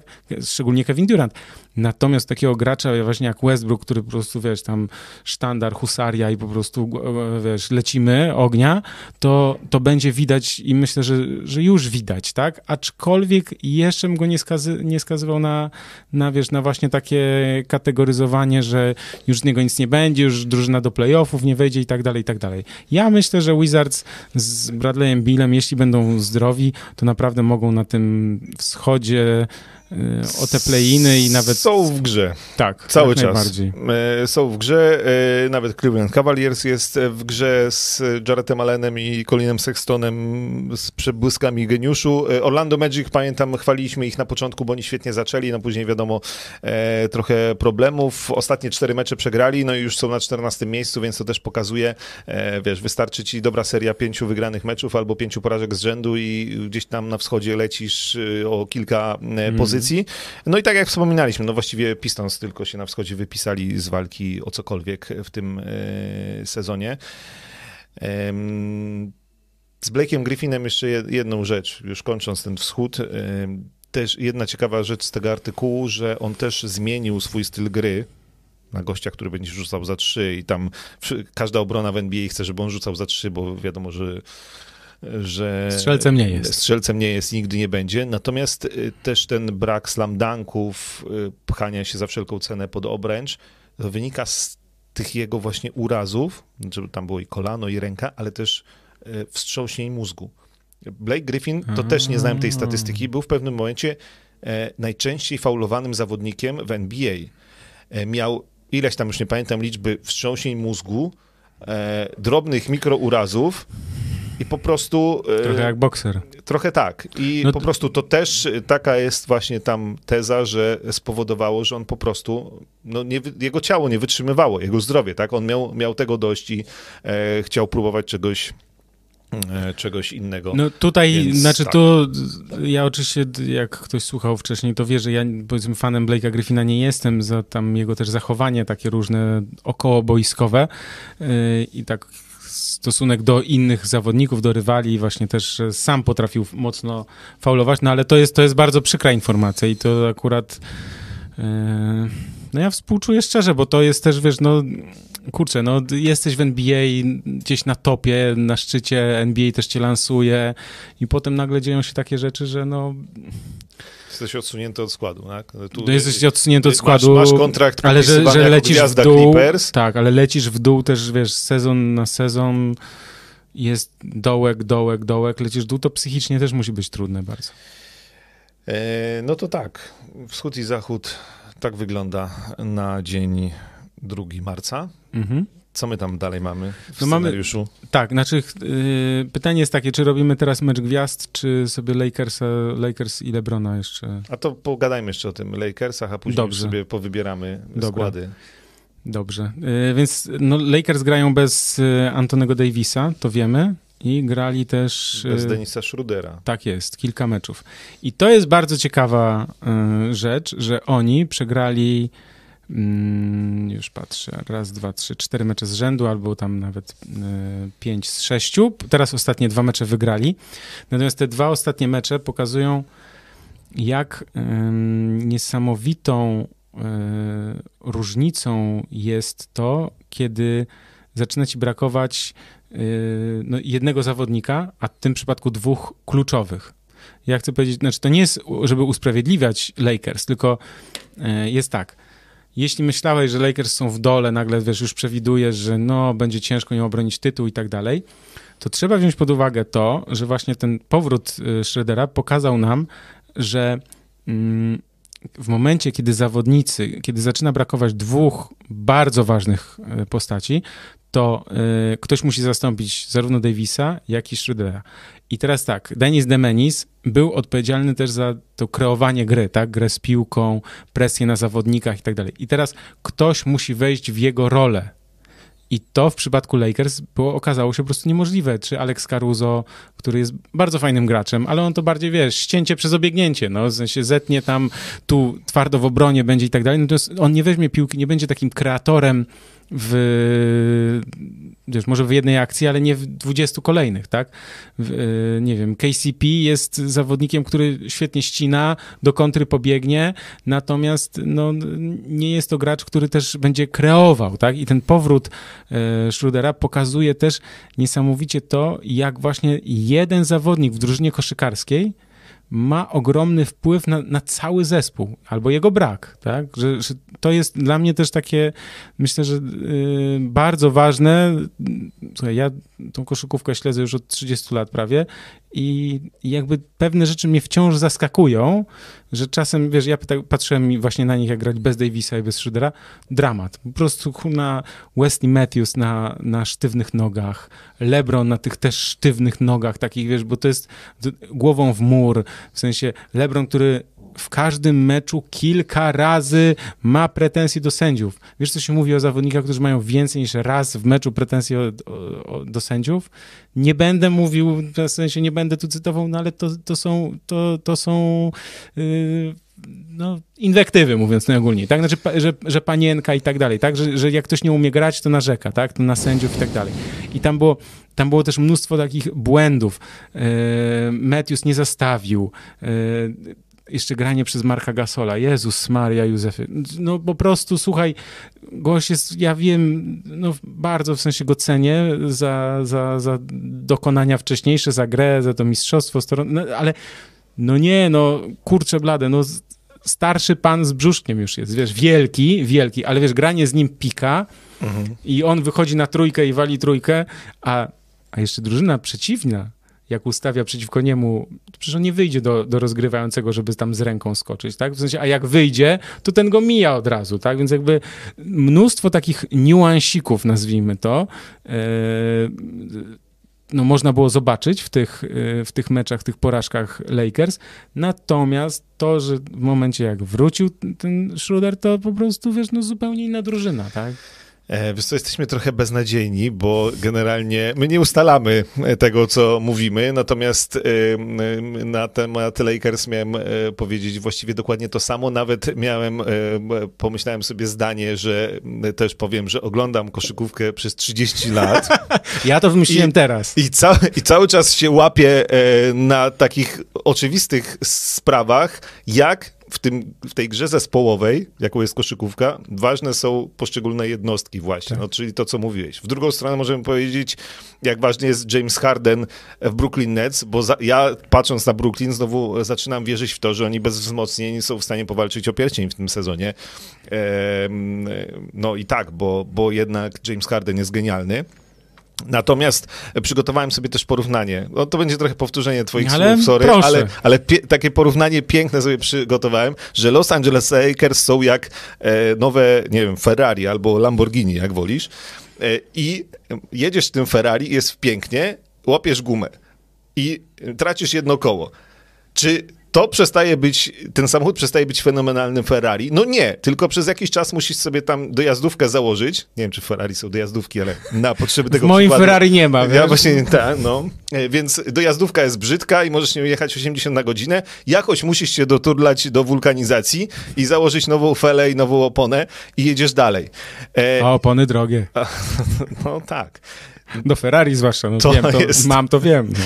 To jest właśnie to, że tu, ja tam w ogóle nie widziałem żadnego e, problemu, jakby nie było sensu dla mnie wyciąganie wniosków z gry Los Angeles Lakers bez Antonego Davisa i bez Denisa Schurdera, no bo wiadomo, że oni bez nich mistrzostwa nie zdobędą, że tutaj, e, zaraz, bo tutaj um, widziałem dobry cytat e, Perry Jackson, że e, Steven Smith powiedział, że Lakers bez e, Antonego Davisa kojarzył mu się tylko z jednym, z Hardenem z pierścieniem. E, no, Steven A. Smith jest y, trochę klaunem, ale raz na tysiąc też coś mądrego powie. Myślę, że oni by do finału nie weszli bez Antonego Davisa i tak. bez... Znaczy oczywiście, żeby nie weszli. No, no, oczywiście, żeby nie weszli. Więc jakby y, zgadzam się z tobą. Ja, ja, ja, w pewnym momencie przestałem oglądać mecze Lakers, bo uznałem, że to nie ma sensu bez Schroedera i bez Davisa, bo z tego nic nie wynika. No, ja się prze, poświęciłem prze, i żałuję. Przegrywali, no ale no, nie zastąpisz, wiesz, pięknej felgi Ferrari Ferrari felgą z napisem Caruso, no, no z całym szacunkiem e, dla... Tak, bo to są, bo to są wiesz, zawodnicy tak zwani zadaniowcy, Yy, to jest takie ładne określenie, zadaniowiec, tak? On jest od określonych rzeczy i on nagle, taki Caruso, czy właśnie KCP, czy Wesley Matthews, on nie zmieni swojego stylu gry. On został, w sensie świetnie pasuje. Yy, tak, tak, ja wiem, możesz przeczytać. LeBron bez Davisa jest jak Pacuda bez Sendeckiego. Tak jest. Dziękujemy, piękne. Natomiast y, ta wartość, w sensie, znaczy, poczekaj, bo mi tutaj myśl uciekła, ale mm, chodzi mi o to, że każdy, że, że ta drużyna została zbudowana, y, Schroeder właśnie odgrywa bardzo ważną rolę i teraz nie możesz tymi zawodnikami, którzy mają określone swoje zadania, ale też mają swoje ograniczenia, to jest najważniejsze. No nie da się, tak? Znaczy nie zastąpisz Oczywiście, że jeśli będzie Davis albo LeBron albo Schroeder kontuzjowani w playoffach, no to Lakers nie awansują do, do, do finału, tak? To to jest, yy, wiesz, no to trochę tak jak Clippers bez, bez Paula George'a albo bez Kawhi Leonarda, no też sobie pewnie nie poradzą, więc jakby yy, to jest bardzo ważne, ale to, co chciałem powiedzieć, w sensie tylko jakby podsumowanie, że, że ten akurat przypadek świetnie pokazał to, jak nawet jeden zawodnik znaczy o sile drużyny, o całym systemie, o systemie obrony, o systemie ataku, o tym właśnie jak bierze ciężar gry na siebie, jak kreuje, jak gra i tak dalej. Przecież Montres Harrell nie istniał w ogóle, bo nie miał kto do niego podać. No. E, Zgadzam się, że Mark Gasol też wygląda gorzej niż myślałem, że będzie wyglądał. E, Jedyne, do czego ja bym się przyczepił do Franka Vogela, to ostatnio w tych meczach już e, chociażby z Golden State Warriors, gdzie wysoko wygrali, nie było widoczne, natomiast ja bym oszczędzał Lebrona. Czy też on osta ostatnio już gra bardzo szeroką rotacją w takich meczach, w których wysoko wygrywają albo przegrywają. Warriors rozjechani na tak, trzy dychy tak, chyba, tak. nawet było cztery dychy w momencie. Tak, no ale też z Utah ten wysoko mecz przegrany, to tam też 13 zawodników zawodników weszło e, na parkiet. No tak, ale to jak przegrywasz, no, to, jak przegrywasz, to, to wiesz, to, to nie ciśniesz, w sensie to e, już... Bo, znaczy, LeBron też nie grał w czwartej nie, kwarcie chyba nie, z no Warriors. No więc właśnie ja bez względu na wszystko LeBrona bym jednak oszczędzał, bo, bo nie ma sensu go męczyć, bo myślę, że tutaj to y, bez Antonego Davisa jakoś wielkie, wielkiej różnicy nie czyni. Znaczy oni muszą w miarę nie, nie stracić pozycji w czołówce zachodu i tyle. No, tak. Ze słabszymi wygrywać i, i, nie za wszelką cenę walczyć o każde zwycięstwo, bo myślę, że to zdrowie Lebrona jest ważniejsze. Ostatnio grał 24 minuty, więc trochę sobie mm, odpoczął. Jest do mnie pytanie, czy ja się przekonałem do, do Schrödera? E, nie za bardzo. Nie, Ale no, lepsze a, Lakers ze Schroederem niż bez. Nie, no to jest oczywiste. To znaczy, ja się nie przekonałem w sensie moich osobistych jakichś odczuć, takich, że po prostu nie jestem fanem, nazwijmy to, czy tego stylu gry, czy jakiegoś zachowania, czy nie wiem, rodzaju rzutu na przykład, coś takiego, że po prostu mamy coś takiego, każdy, kto ogląda koszykówkę, jest coś takiego, że nie wiem, dany zawodnik nam się bardziej podoba w sensie jego styl gry, tak? Czy, I wiele czynników też na to wpływa, że na przykład dany gracz nam się, mi na przykład takim zawodnikiem, który e, styl gry, no, zwłaszcza w Indianie, bo teraz tak już nie za bardzo, ale był Paul George, którego byłem wielkim fanem właśnie za, nie wiem, mogę, mogę to nazwać jakąś kulturą grania, nazwijmy to, kulturą koszykówki, tak? W sensie ten rzut tak niesamowicie e, wyprowadzany do, wiesz, do, do przy wyskoku i tak dalej, ta, ta ręka prowadzona i, więc jakby to, to, ja o tym mówię i jakby fanem Schrödera nadal nie jestem, co nie zmienia faktu, że jest bardzo dobrym zawodnikiem, który, jak pokazuje też ten sezon i pokazał też poprzedni i poprzednie też, że ma ogromny wpływ pozytywny na drużynę, bo to jest bardzo ważne a tu jeszcze y, wyżej był cytat y, od y, Piotr System, że Trey Young nie dowozi. No na razie nie dowozi, no może dowozi. kiedyś dowiezie. No. E, tak, było jeszcze pytanie wcześniej kilka razy zadane o Sacramento Kings, e, komu przeszkadza. O Sacramento mówiliśmy w poprzednim podcaście. E, ja wtedy trochę się zachwycałem, ale trochę ostatnie dwa tygodnie tu dzisiaj pominąłem specjalnie, bo trochę polecieli. No niestety. Daron Fox fajnie, Buddy Hilt myślałem, że się tam wpasował, Halliburton świetny pierwszy sezon, natomiast na tym zachodzie to jednak trochę trzeba więcej, żeby wygrywać, natomiast ja cały czas wierzę, że w Sacramento idą lepsze czasy, bo... Słuchaj, tak. Podobno do Ferrari F40 dobrze pasuje, pasują fele od starego Hyundai. No w Lakers może się to nie udać, niestety. A teraz bugi do Lakers. Słuchaj, y, było też na początku, jakie, jakie wzmocnienia widzimy w Lakers. Ja bym powiedział, jak Antony Davis wróci, to... Ja nawet jak Antony Davis by nie wrócił, to ja i tak bym tego Dramonda ściągnął, więc wiesz... Więc Ale. Dramond... Y, Stary, to chodzi o to, żeby komuś łeb urwać po prostu pod tym koszem, Ale stanąć, dobra, zebrać dra... 20 dobrze, piłek no, na Dramonda, i tak dalej. Na no. Dramonda jest kolejka chętnych. Y, no nie dziwię się. Tak z, z pół ligi. Zaraz, szybkie pytanie. W tym sezonie 44 zawodników rzuca średnio 20 punktów na mecz ponad, z czego wynika taki znaczny wzrost, biorąc pod uwagę, że w sezonie 12-13 tych zawodników było tylko 11. Widziałem na ten temat ciekawą rozmowę i dyskusję. Mhm. Nie było to planowane. Ja te, to oczywiście pewnie na ESPN-ie, więc yy, jak jest szybkie pytanie, to musimy też szybko odpowiedzieć, bo już godzinkę ponad gadamy, a musimy jeszcze zrobić draft. E, wiesz co, jest teoria taka, bo e, po pierwsze, że zawodnicy grają w części hal, jest, nie ma kibiców, więc teoretycznie jest mniejsza presja, tak, więc mogą wejść na, na te wyżyny, bo niektórzy zawodnicy, no gdzieś tam ma to wpływ, tak, jak 20 tysięcy gardeł krzyczy przeciwko tobie, to albo nawet za tobą, to też jest jakaś tam presja. Natomiast to, co jest ciekawe, taka teoria jest też, że mm, owszem, przepisy się zmieniły już parę lat temu, które nazwijmy to forsowały czy premiowały graczy ataku, Ale kwestia jest taka, to jest bardzo ciekawa, bardzo ciekawe spostrzeżenie, że y, zawodnicy znaczy weszli na wyższy poziom w ostatnich latach, jeśli chodzi o umiejętności ataku. Czyli masz więcej zawodników. Jeśli 20 lat temu 20 lat temu nie było tylu zawodników, którzy by na przykład byli tak dobrzy w ataku, czyli trafiali po prostu na treningu każdy rzut, tak?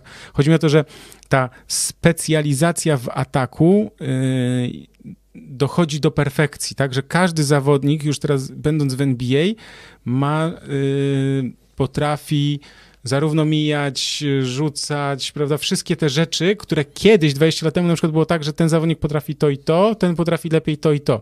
A teraz ci zawodnicy osiągnęli no już tak wysoki poziom, no ja to mogę nazwać jakiejś specjalizacji czy precyzji, tak? Natomiast tutaj Bóg Bóg jest ważna kwestia.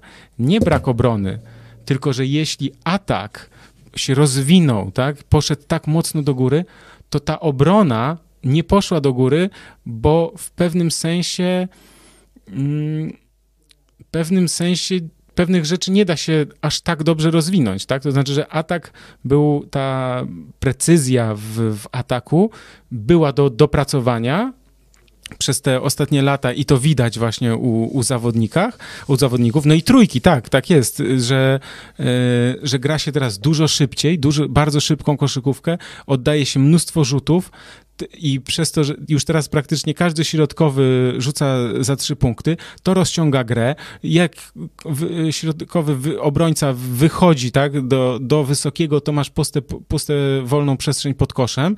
No, mnóstwo takich niuansów i, i czynników, które wpływają na to, że te umiejętności strzeleckie i umiejętności zdobywania punktów weszły na kolejny wyższy poziom i to jest oczywiście też problem, myślę, że NBA, tak? Nie dotyczy Draymonda Greena, oczywiście, to jest komentarz. To też jest y, widać przy meczu gwiazd, do którego zaraz przejdziemy, bo tych zawodników, którzy mogliby tak naprawdę być na poziomie All-Star, a nie zawsze niekoniecznie się mieszczą e, w tak. tych składach obu drużyn, jest rzeczywiście, ja też mam takie wrażenie, że jest więcej niż kiedyś.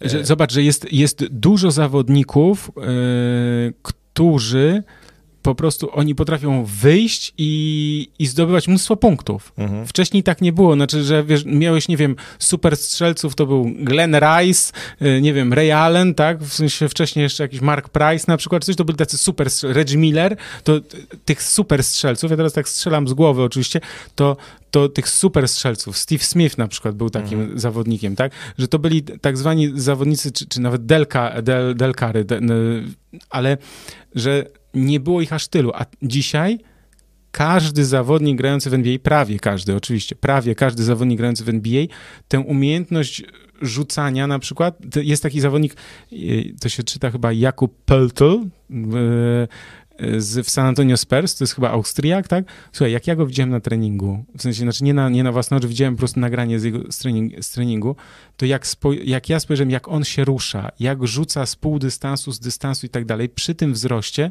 to ja, ja, ja to oglądałem i mówię, nie wierzę po prostu, w sensie, to gość jest arcymistrzem, tak? I, to, i, i w Europie tak ludzie nie potrafią. Tak? W sensie, dlatego on gra w NBA.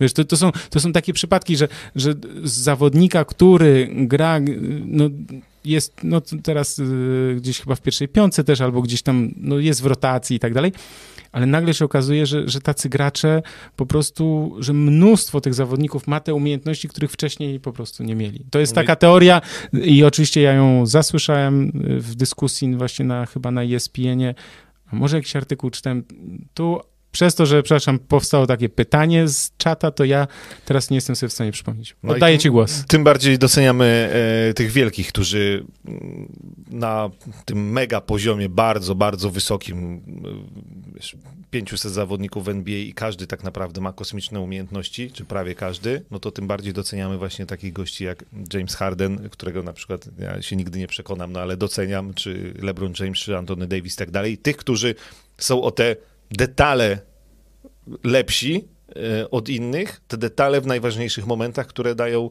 zwycięstwa, mistrzostwa i tak dalej. E, przechodzimy już do meczu. Poczekaj, ja tylko powiem, bo tu jeszcze jest yy, odnośnie tego, co mówisz, Bóg, Bóg mówi, ta wszyscy, yy, wszechstronniejsi zawodnicy, to jest trop, a co z obroną, że nie bronią czasem. I mi się wydaje, to jest mi się wydaje, że oczywiście, że czasem zdarzają się sytuacje, że ktoś odpuszcza i tak dalej, ale że ten atak jest tak niesamowicie już na tak wysokim poziomie, że robisz czasem wszystko, co się da w tej defensywie, a i tak nie jesteś w stanie, tak? To znaczy, jak gość jest po prostu super kozakiem, trafia z każdej pozycji, to wiesz, Miami Heat na przykład próbują te strefy, tutaj to i tak dalej. To, to jest rozbijane, jak już, jak już drużyny się do tego, tego nauczyły, to jest, wiesz, trzy podania, tu minięcie i tak dalej. Ten tak zwany timing, tak? To są, to są ułamki sekund, to jest różnica. My nawet sobie nie zdajemy sprawy. Ja mam też przecież obaj mamy, ale wielu znajomych, którzy grają w koszykówkę na jakimś poziomie, tak?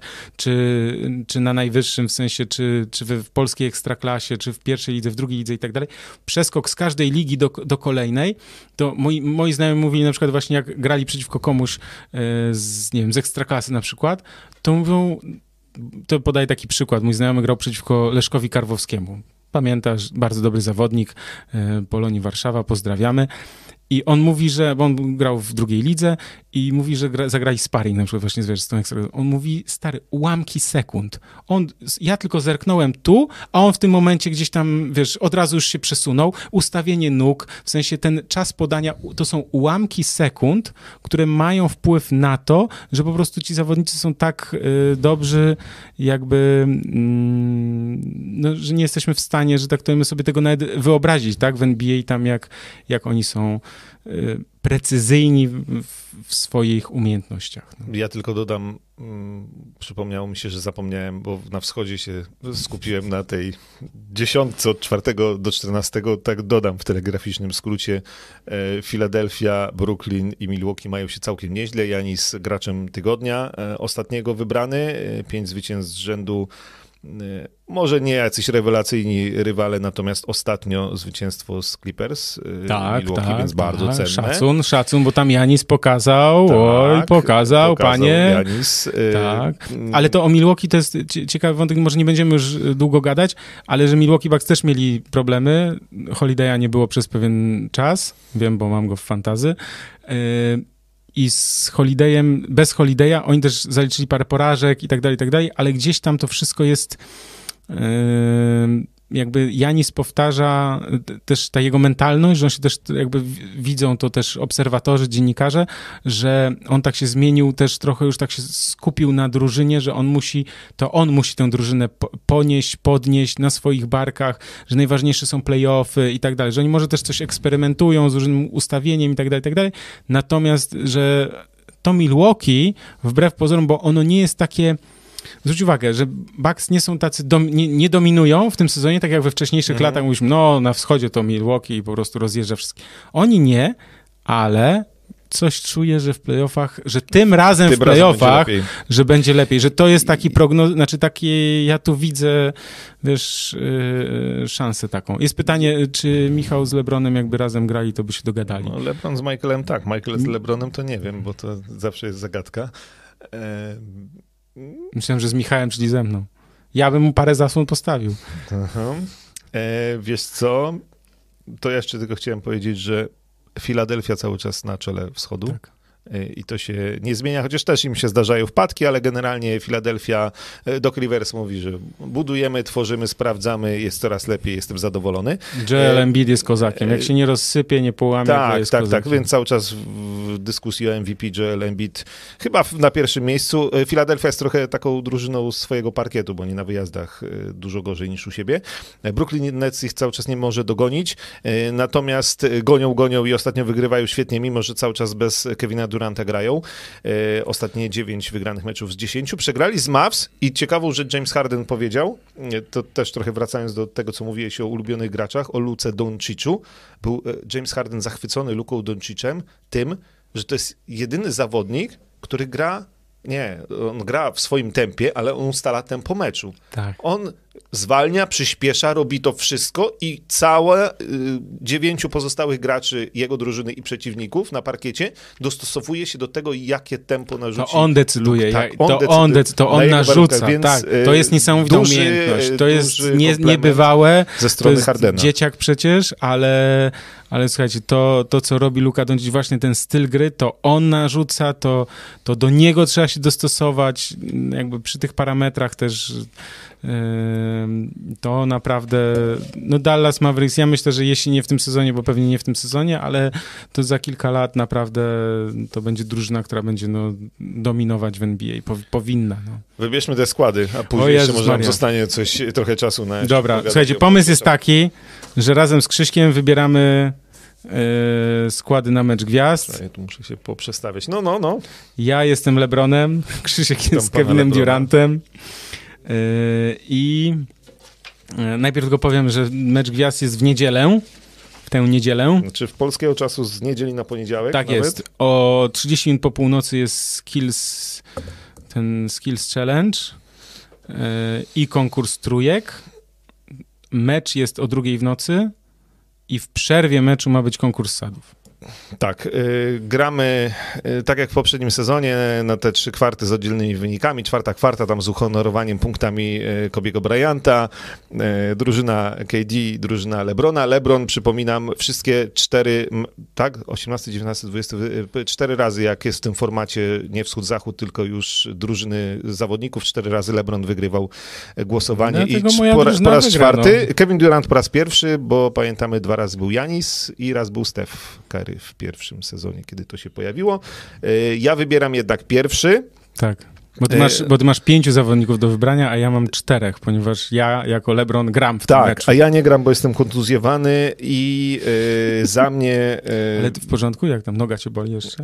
Uspokój się. Za mnie w pierwszej piątce jest Jason Tatum, a w ogóle a w ogóle za KD'ego jest, yy, zaraz, kto tu się pojawił? Aha, y, Domantas y, Sabonis. Sabonis. Tak jest. Y, ale ciekawe, odmówił Jimmy Butler, bo jako pierwszy był Jimmy Butler poproszony, jakby zapytany przez Adama Silvera o to, czy chce mhm. wejść do meczu gwiazd. Jimmy Butler powiedział, że nie, dziękuję, bo Adebayo zasługuje na mecz gwiazd i on z nim to by zagrał, ale jak Adebayo nie ma meczu gwiazd, to on też nie zagra. No i w ten sposób mamy... Oj, Jimmy, Jimmy. Mamy Sabonisa. Dobrze, ja zaczynam. Tak. Musimy spisywać to gdzieś na kartce. Ja mam, moja pierwsza piątka to jest LeBron, tak jest. E, dobra, e, ja tu będę pisał też sobie. E, ja muszę, e, muszę się trochę wczuć w rolę e, Kevina Duranta, e, bo ja jako ja bym tego nie zrobił, ale jako KD muszę zrobić, czyli Kyrie Irving, bo jak go nie wezmę, to będzie wielka drama, no i tyle. No. Ty bierzesz, dobrze, czyli Krzysiek bierze Irvinga, ja jako LeBron. Yy... Też muszę sk skreślać. Tak jest. Ja biorę Janisa. Hmm, e, no dobrze, no to y, ja sobie wezmę kogoś z y, zachodu, czyli Kałaja Lenarda. Mm, po, poważni zawodnicy tutaj będą w takim razie do no poważnego dobrze. grania. Będzie coś bronił. Dobrze, ja jestem LeBron, Janis i y, ja biorę. Ojej, ja biorę z y, Stefa.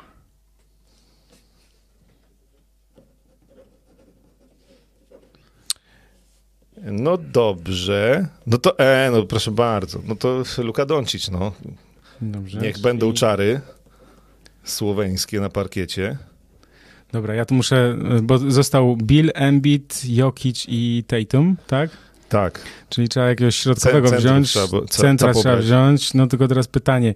Ja, ponieważ mam i Stefa i Janisa, to ja biorę Nikola, jo, Nikola Jokicia, bo on będzie podawał do mnie i do Jokic. No to mi nie pozostaje nic innego, tylko zaprosić Joela Embida do drużyny. Dobrze. I został... Yy... Czekaj, Bradley Billy, Jason Tatum. Tak. I no Bradley Bill, ja nie potrzebuję, czy potrzebuję strzelca? LeBron, Janis, Steph, Jokic? Nie, Bradley Bill, sorry. Tak? Rozstrzelam się, słuchaj. Steph i Bill. No dobra, no ja biorę Tatuma. No i zaczynamy rezerwowych. Poczekaj, przeczytajmy pierwsze piątki. Proszę bardzo, panie Lebronie. M- moja pierwsza piątka jest LeBron James, Janis, Steph Curry, Nikola Jokic i Bradley Bill. E, Moja pierwsza piątka jest e, Nie ma mnie, czyli Kevina Duranta, jest za to e, Kyrie Irving, e, Kawhi Leonard, Luka Doncic, Joel Embiid i Jason Tatum. Dobra, czekaj, ja tu muszę sobie Teraz wybieramy rezerwowych. Ehm, Wśród rezerwowych nie ma Antonego Davisa, za niego jest, Denis, y, y, jest y, Booker, y, który był mm, no, największym nieobecnym zaraz po ogłoszeniu nazwisk, ale, ale jest. Y, Devin Booker, tak i tu tyle jest tak zwanych zmian. czyli 14 zawodników jest do wyboru, tak? 12, jak w sumie? Nie, a, czy, cztery, no 7 i 7, Raz, 14, dwa, 14 trzy, rezerwowych, cztery, no pięć, tak, sześć, tak, tak, siedem, tak. osiem, dziewięć, Tak, dziesięć, tak, 11, tak, 12, tak, 14. tak. Dobrze, czyli rezerwowi, tak? Mhm. To ja zaczynam teraz jako Tak. LeBron. Dobra, eee, kogo ja bym wziął? Kogo ja bym wziął? Eee, nie, ten nie będzie podawał. Dobra, eee, ja biorę eee, biorę Pola George'a. Mm, Jednak. Ja muszę wziąć kogoś, kto będzie odpowiedział na Stefa Karego, czyli Lillarda. Będzie rzucał z połowy. No dobrze, to ja biorę kogoś, kto ci tam zmasakruje pod O koszem. matko, zajął. Zion.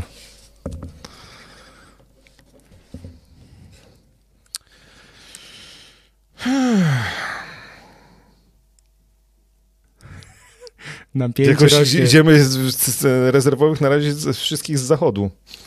Myślę, czy... Mm. Wiesz co? Zapomniałem, że jestem Kevinem Durantem i tu byłaby drama, ale dobra, Lillard się obroni, bo musi być ktoś, kto będzie e, dużo rzucał, no ale przecież ja muszę wziąć Hardena. Ej, hello! Nie ma mnie, to niech moi chłopcy, koledzy z drużyny poprowadzą Mhm. do zwycięstwa mój zespół nad Lebronem. Dobrze, no to ja, y, poczekaj, bo mam Pola George'a, Zajona, to ja myślę, że Donovan Mitchell będzie ci tam po prostu dojeżdżał. Donovan Mitchell. Ym, KD. KD. Jak to jest być Kevinem Durantem? KD. Wiesz, ty masz łatwiej, bo mogłeś sobie wiesz, zobaczyć, wy, jak LeBron wybierał w poprzednich latach. Tak, myślisz, że to robiłem, tak? Myślę, nie, a na Nie, przykład, ja wybieram- pa, ja pa, pa, tam tak zerknąłem, pamiętam, że w tym pierwszym wybrał y, Kyriego Irvinga. Dzisiaj myślę, że już by nie wybrał. Nie, nie. Ym, Nie, ja wybieram, ja wybieram jako ja, słuchaj, to jest, wiesz, ja jestem Lebronem, więc ja wybieram, no. Ja musiałem kolegów z drużyny wziąć, no. Ja, tak. E, dobrze. Myślę, że jak już mam Embida, to wezmę mu Simonsa do pary. Może coś to pomoże. Simons pobroni też razem z Kałajem Lenardem. To stary. Chciałbyś. No, a ja, ponieważ yy, mam Jokicia, to żeby ktoś tam bronił tej deseczki, to Rudiego biorę. Goberta. Czekaj, bo mi by się jacyś wysocy przydali. No, No dobrze, no to ja sobie wezmę w takim razie Wuce, Wucewicza. Żeby mieć jakiegoś centra też.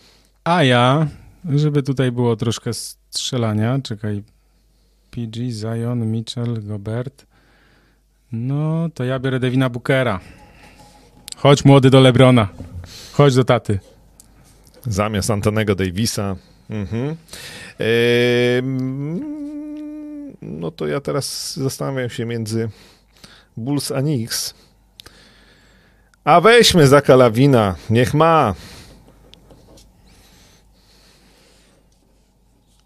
Lawin, tak? Dobrze. Mhm. To ja biorę jednak pod tym koszem, żeby nam tutaj.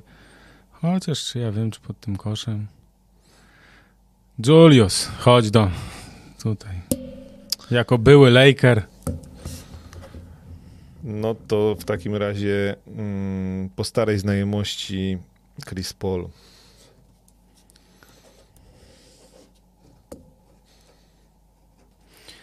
No dobrze, to ja już pod tym koszem to mam tamten, to biorę Jalena Browna.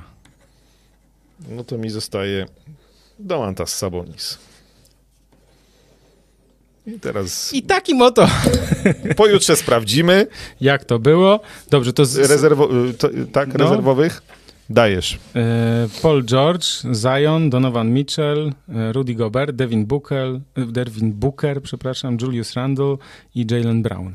A ja mam Damiana Lillarda, Jamesa Hardena, Bena Simonsa, e, także Zaka Lawina, Chrisa Pola, Sabonisa i Wuczewicza bliżej kosza. Brawo. Sprawdzimy. Sprawdzimy. To jest e, świetna zabawa. E, myślę, że możemy to też polecić, jeśli ktoś chciałby. Czwartego, czyli pojutrze, wybierają LeBron i KD. Michał pozamiatał, dziękuję. Mam wrażenie, że rezerwowych lepiej wybrałeś, ale tak. Jeszcze raz przypominamy 7 marca w Atlancie mecz gwiazd. Ja w tym roku chyba nawet obejrzę, jako że jest to skumulowane w jedno wydarzenie, więc może, może wytrzymam. W niedzielę, tak? Co ja robię w niedzielę w nocy? Pewnie E, śpię. Mamy pół godziny jeszcze. Mamy Dobrze, bardzo się cieszę. jeszcze. Bardzo się cieszę. To my sobie opublikujemy też, ja to spiszę, będzie w Tak. takim artykule podsumowującym, jak ktoś będzie chciał potem porównać, może nawet tutaj wkleję pod mm, w opisie filmu. Więc y, to tak. O Lakers rozmawialiśmy, ale mieliśmy powiedzieć, miałeś opowiedzieć o Lebronie i Zlatanie. Zlatanka to jest taka bohaterka em, książek dla dzieci.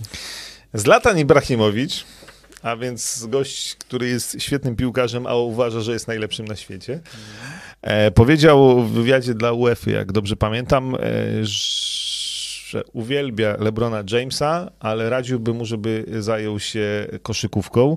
Rób to, w czym jesteś dobry. Ja gram w piłkę, ponieważ w tym jestem najlepszy. Nie jestem politykiem. Gdybym nim był, zajmowałbym się polityką. A to pierwszy błąd, jaki robią ludzie, którzy zyskują pewien status i stają się sławni, zaczynają mówić o rzeczach, na których się nie znają. E, I tak powiedział. I LeBron się zdenerwował. E, I LeBron się po, e, zdenerwował i powiedział, że się nigdy nie zamknie. Jeśli chodzi o rzeczy, które są ważne dla jego społeczności, dla jego kraju, dla świata, on zawsze będzie mówił, że 300 dzieciaków w jego szkole potrzebuje takiego głosu, takiego głosu. E, I nie ma absolutnie mowy o tym, żeby trzymał się tylko sportu, bo będzie mówił w wielu innych rzeczach. I ogólnie w tej, nazwijmy to, mini dramie, Mini dramy, tak jest. ja jestem po stronie Lebrona, no bo generalnie ja uważam, że sportowcy powinni zabierać głos, jeśli chcą e, i korzystać z tej popularności, którą mają. Natomiast y, no, od razu też wypomnieli, a bo Lebron też powiedział, że nie zaczynaj ze mną, ja odrobiłem lekcję e, domową. Jak do Zlatana też powiedział, jak możesz y, mówić o tym, że się mam nie wypowiadać, jak sam krytykowałeś ras, rasizm e, w szwedzkich mediach ze swojego powodu, nie jakichś wyższych bud- budek społeczności, czegokolwiek, no bo rzeczywiście było tak kiedyś, że Ibrahimowicz mówił, że przez to, że ma bośniackie pochodzenie, że ma nazwisko nie szwedzkie, to e, media szwedzkie za mało mu e, poświęcają czasu. No i LeBron powiedział, że no ze względu na siebie jakoś byłeś w stanie o rasizmie mówić, ale ja nie mogę mówić, e, jeśli że dzieją się rzeczy złe. Natomiast no wypomnieli też co niektórzy na Twitterze sytuację z Darylem Morejem, kiedy tak. LeBron James Klasyka. po, powiedział, za co był bardzo skrytykowany, że może lepiej, żeby Morey się nie wypowiadał w sprawie Chin, no bo nie jest do, być może do końca poinformowany. No więc y, sam sobie zaprzeczył i nie do końca wychodzi na to, że ob, odrobił lekcję i też nie do końca LeBron James e, robiący różne rzeczy fajne poza e, parkietem jest tak y, wiesz, do, do, do, do końca e, To jest śliski temat. tak, no jest bardzo. Znaczy, To jest bo- śliski temat, bo, bo jak się mówi A, to trzeba powiedzieć B. Tak? Trochę ja mam takie poczucie.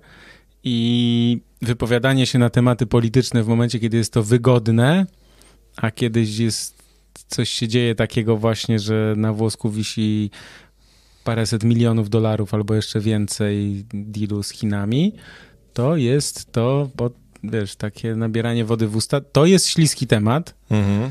I no ja nie mam też jedno, jednoznacznej, nazwijmy to, odpowiedzi, ponieważ też uważam, że głos LeBrona Jamesa jest ważny yy, i ma pozytywny wpływ, tak, na jego, na to, znaczy, że wiele rzeczy dobrych zrobił, tak, ale to też wynika z faktu, nie wiem, z, z moich przekonań, tak, może jakbym był, nie wiem, narodowcem na przykład, albo jakimś wielkim fanem Donalda Trumpa, to mówiłbym inaczej, tak, ale to jest jakby yy, ze swojego punktu widzenia, więc tutaj, tutaj ewidentnie będzie tak, że każdy będzie miał swoją swoją opinię na ten temat z uwagi na swoje własne poglądy, tak? Więc mhm. jakby yy, więc trochę jest pytanie takie, co byśmy, jakbyśmy to skomentowali, gdyby któryś z zawodników na przykład był taki mocno pro-trumpowski, nazwijmy to, tak? Pro-trumpowy na przykład, tak? Co byś, jak byśmy, jak my byśmy znaczy, na to, ja, jak byś to ja odebrał? Nie mam z tym problem. Znaczy ja nie z koszykówki, a już kiedyś tu mówiłem o, o Tomie Brady, on nie jest może jakimś tam wielkim e, sympatykiem, natomiast e, no parę razy jakby potwierdził, że jest dobrym znajomym Donalda Trumpa. E, I jest też wielką gwiazdą sportu i powiem ci, ja, znaczy ja nie mam problemu, jeśli ktoś ma inne poglądy niż ja i generalnie jestem za tym, żeby je wyrażać. Znaczy gorzej jest, gdy właśnie się mówi, jesteś sportowcem, to, to nie mów.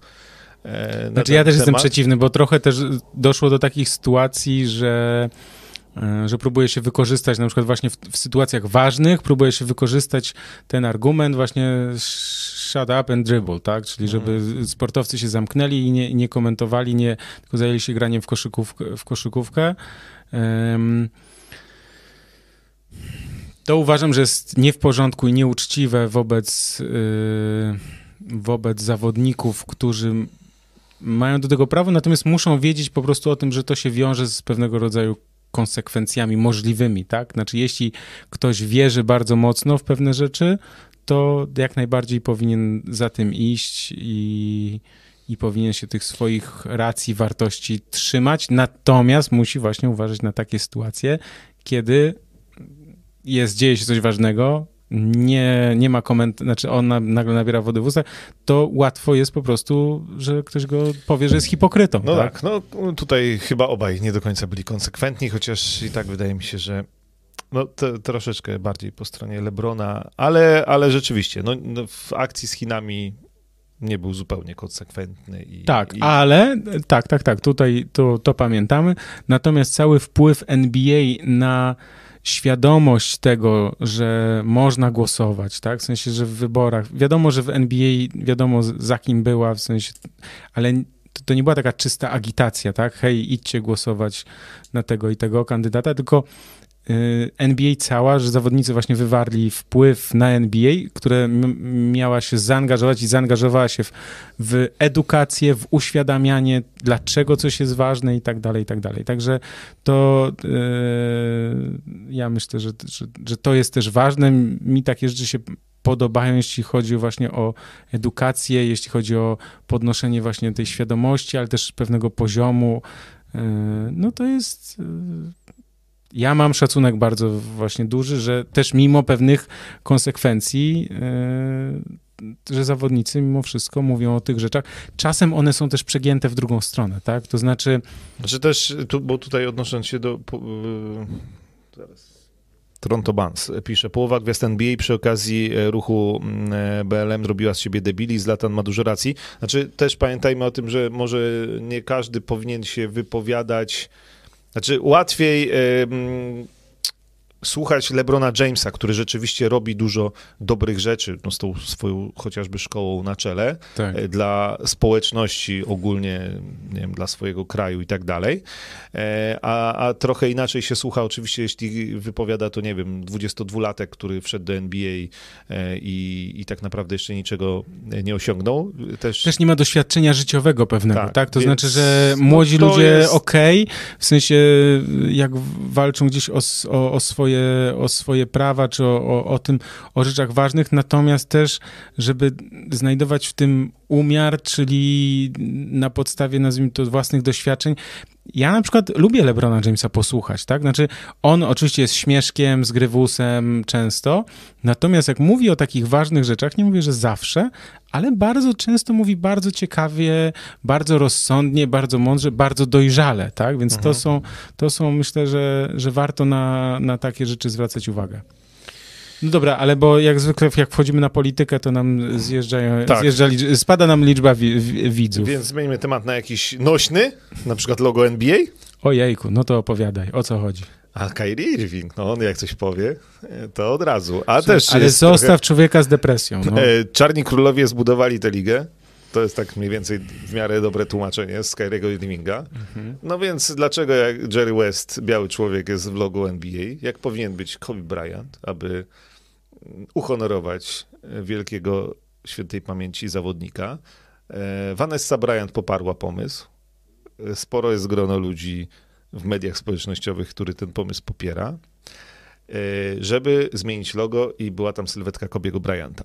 Z logiem NBA, chcesz powiedzieć, czy jesteś za, czy przeciw? Wiesz co, ja w pewnych obszarach i w pewnych kwestiach jestem tradycjonalistą, natomiast nie jest po, tej, po tym, co się stało, tak, po tej wielkiej tragedii, rozumiem jakby uzasadnienie tego i jakby się zmieniło na jakieś fajne, y, to no, nie robiłbym z tego zagadnienia, tak? Aczkolwiek myślę, że też NBA, nie, wiesz, to jest też tak, że w dojrzałych i takich organizacjach, które są mądrze zarządzane, to ludzie nie, pod, nie podejmują takich pochopnych decyzji, tak? To znaczy, że, wiesz, że nagle, nie wiem, po śmierci Kobiego Bryanta, nie, nie wiem, nie nadano jakichś tytułów, w sensie nagród, wszystkiego i tak dalej. Oni mówią spokojnie, zajmijmy się teraz, znaczy ochłońmy trochę tą tragedią, przeżyjmy to, tak? Przeżyjmy ten smutek, żal ogromny, niech to każdy przeżyje, a potem będziemy się zastanawiać, czy wykonywać pewne ruchy, tak? I, to, i to, ja za to szanuję też przede wszystkim jakby no NBA i mądre organizacje, tak? Że one nie podejmują takich pochopnych decyzji, że jak właśnie się coś stanie, to, to zaraz już tutaj wszystko na głowie.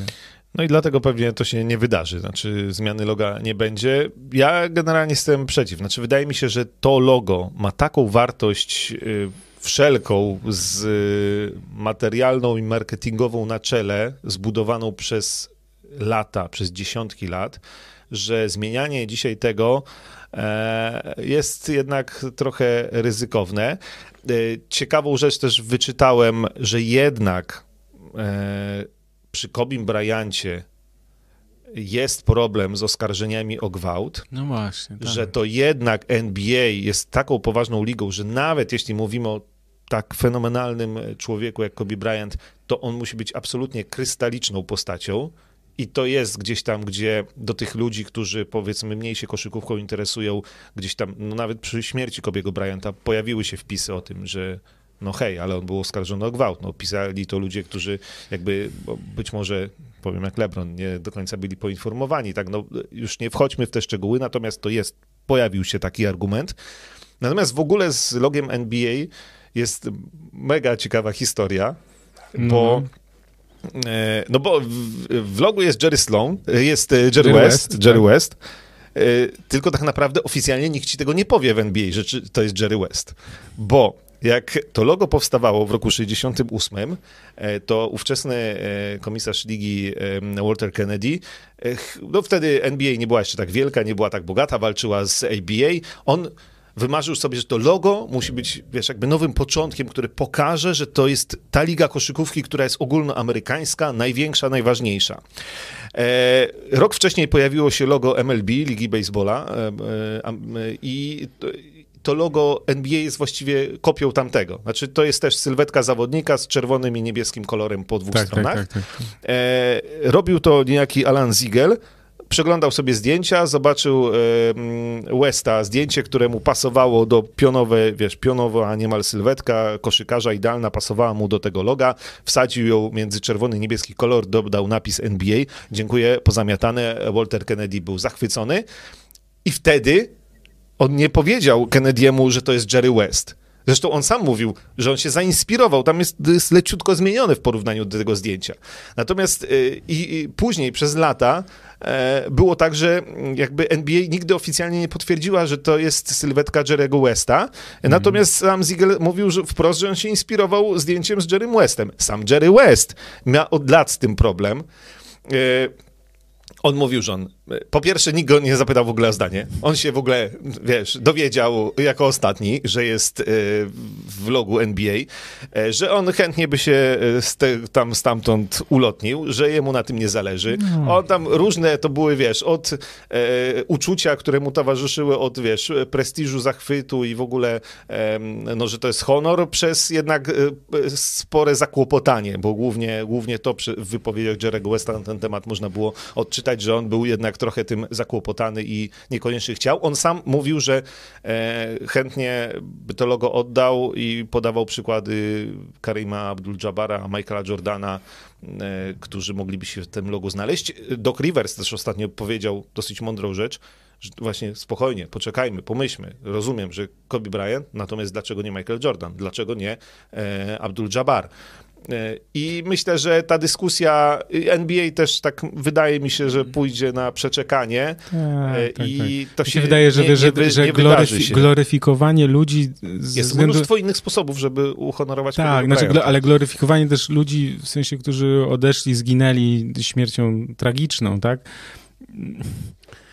No, można im tę cześć i pamięć oddać w inny sposób, tak? To znaczy nie trzeba tutaj, mm, znaczy inaczej, nie ścigajmy się na pomniki, tak? W tym sensie, że, że NBA może właśnie wspominać Kobiego Bryanta, e, robić różne rzeczy, które właśnie em, które no, oddadzą to, jak bardzo go szanowała liga, jak go zawodnicy i kibice sz- szanowali, jak go uwielbiali, jak go doceniali.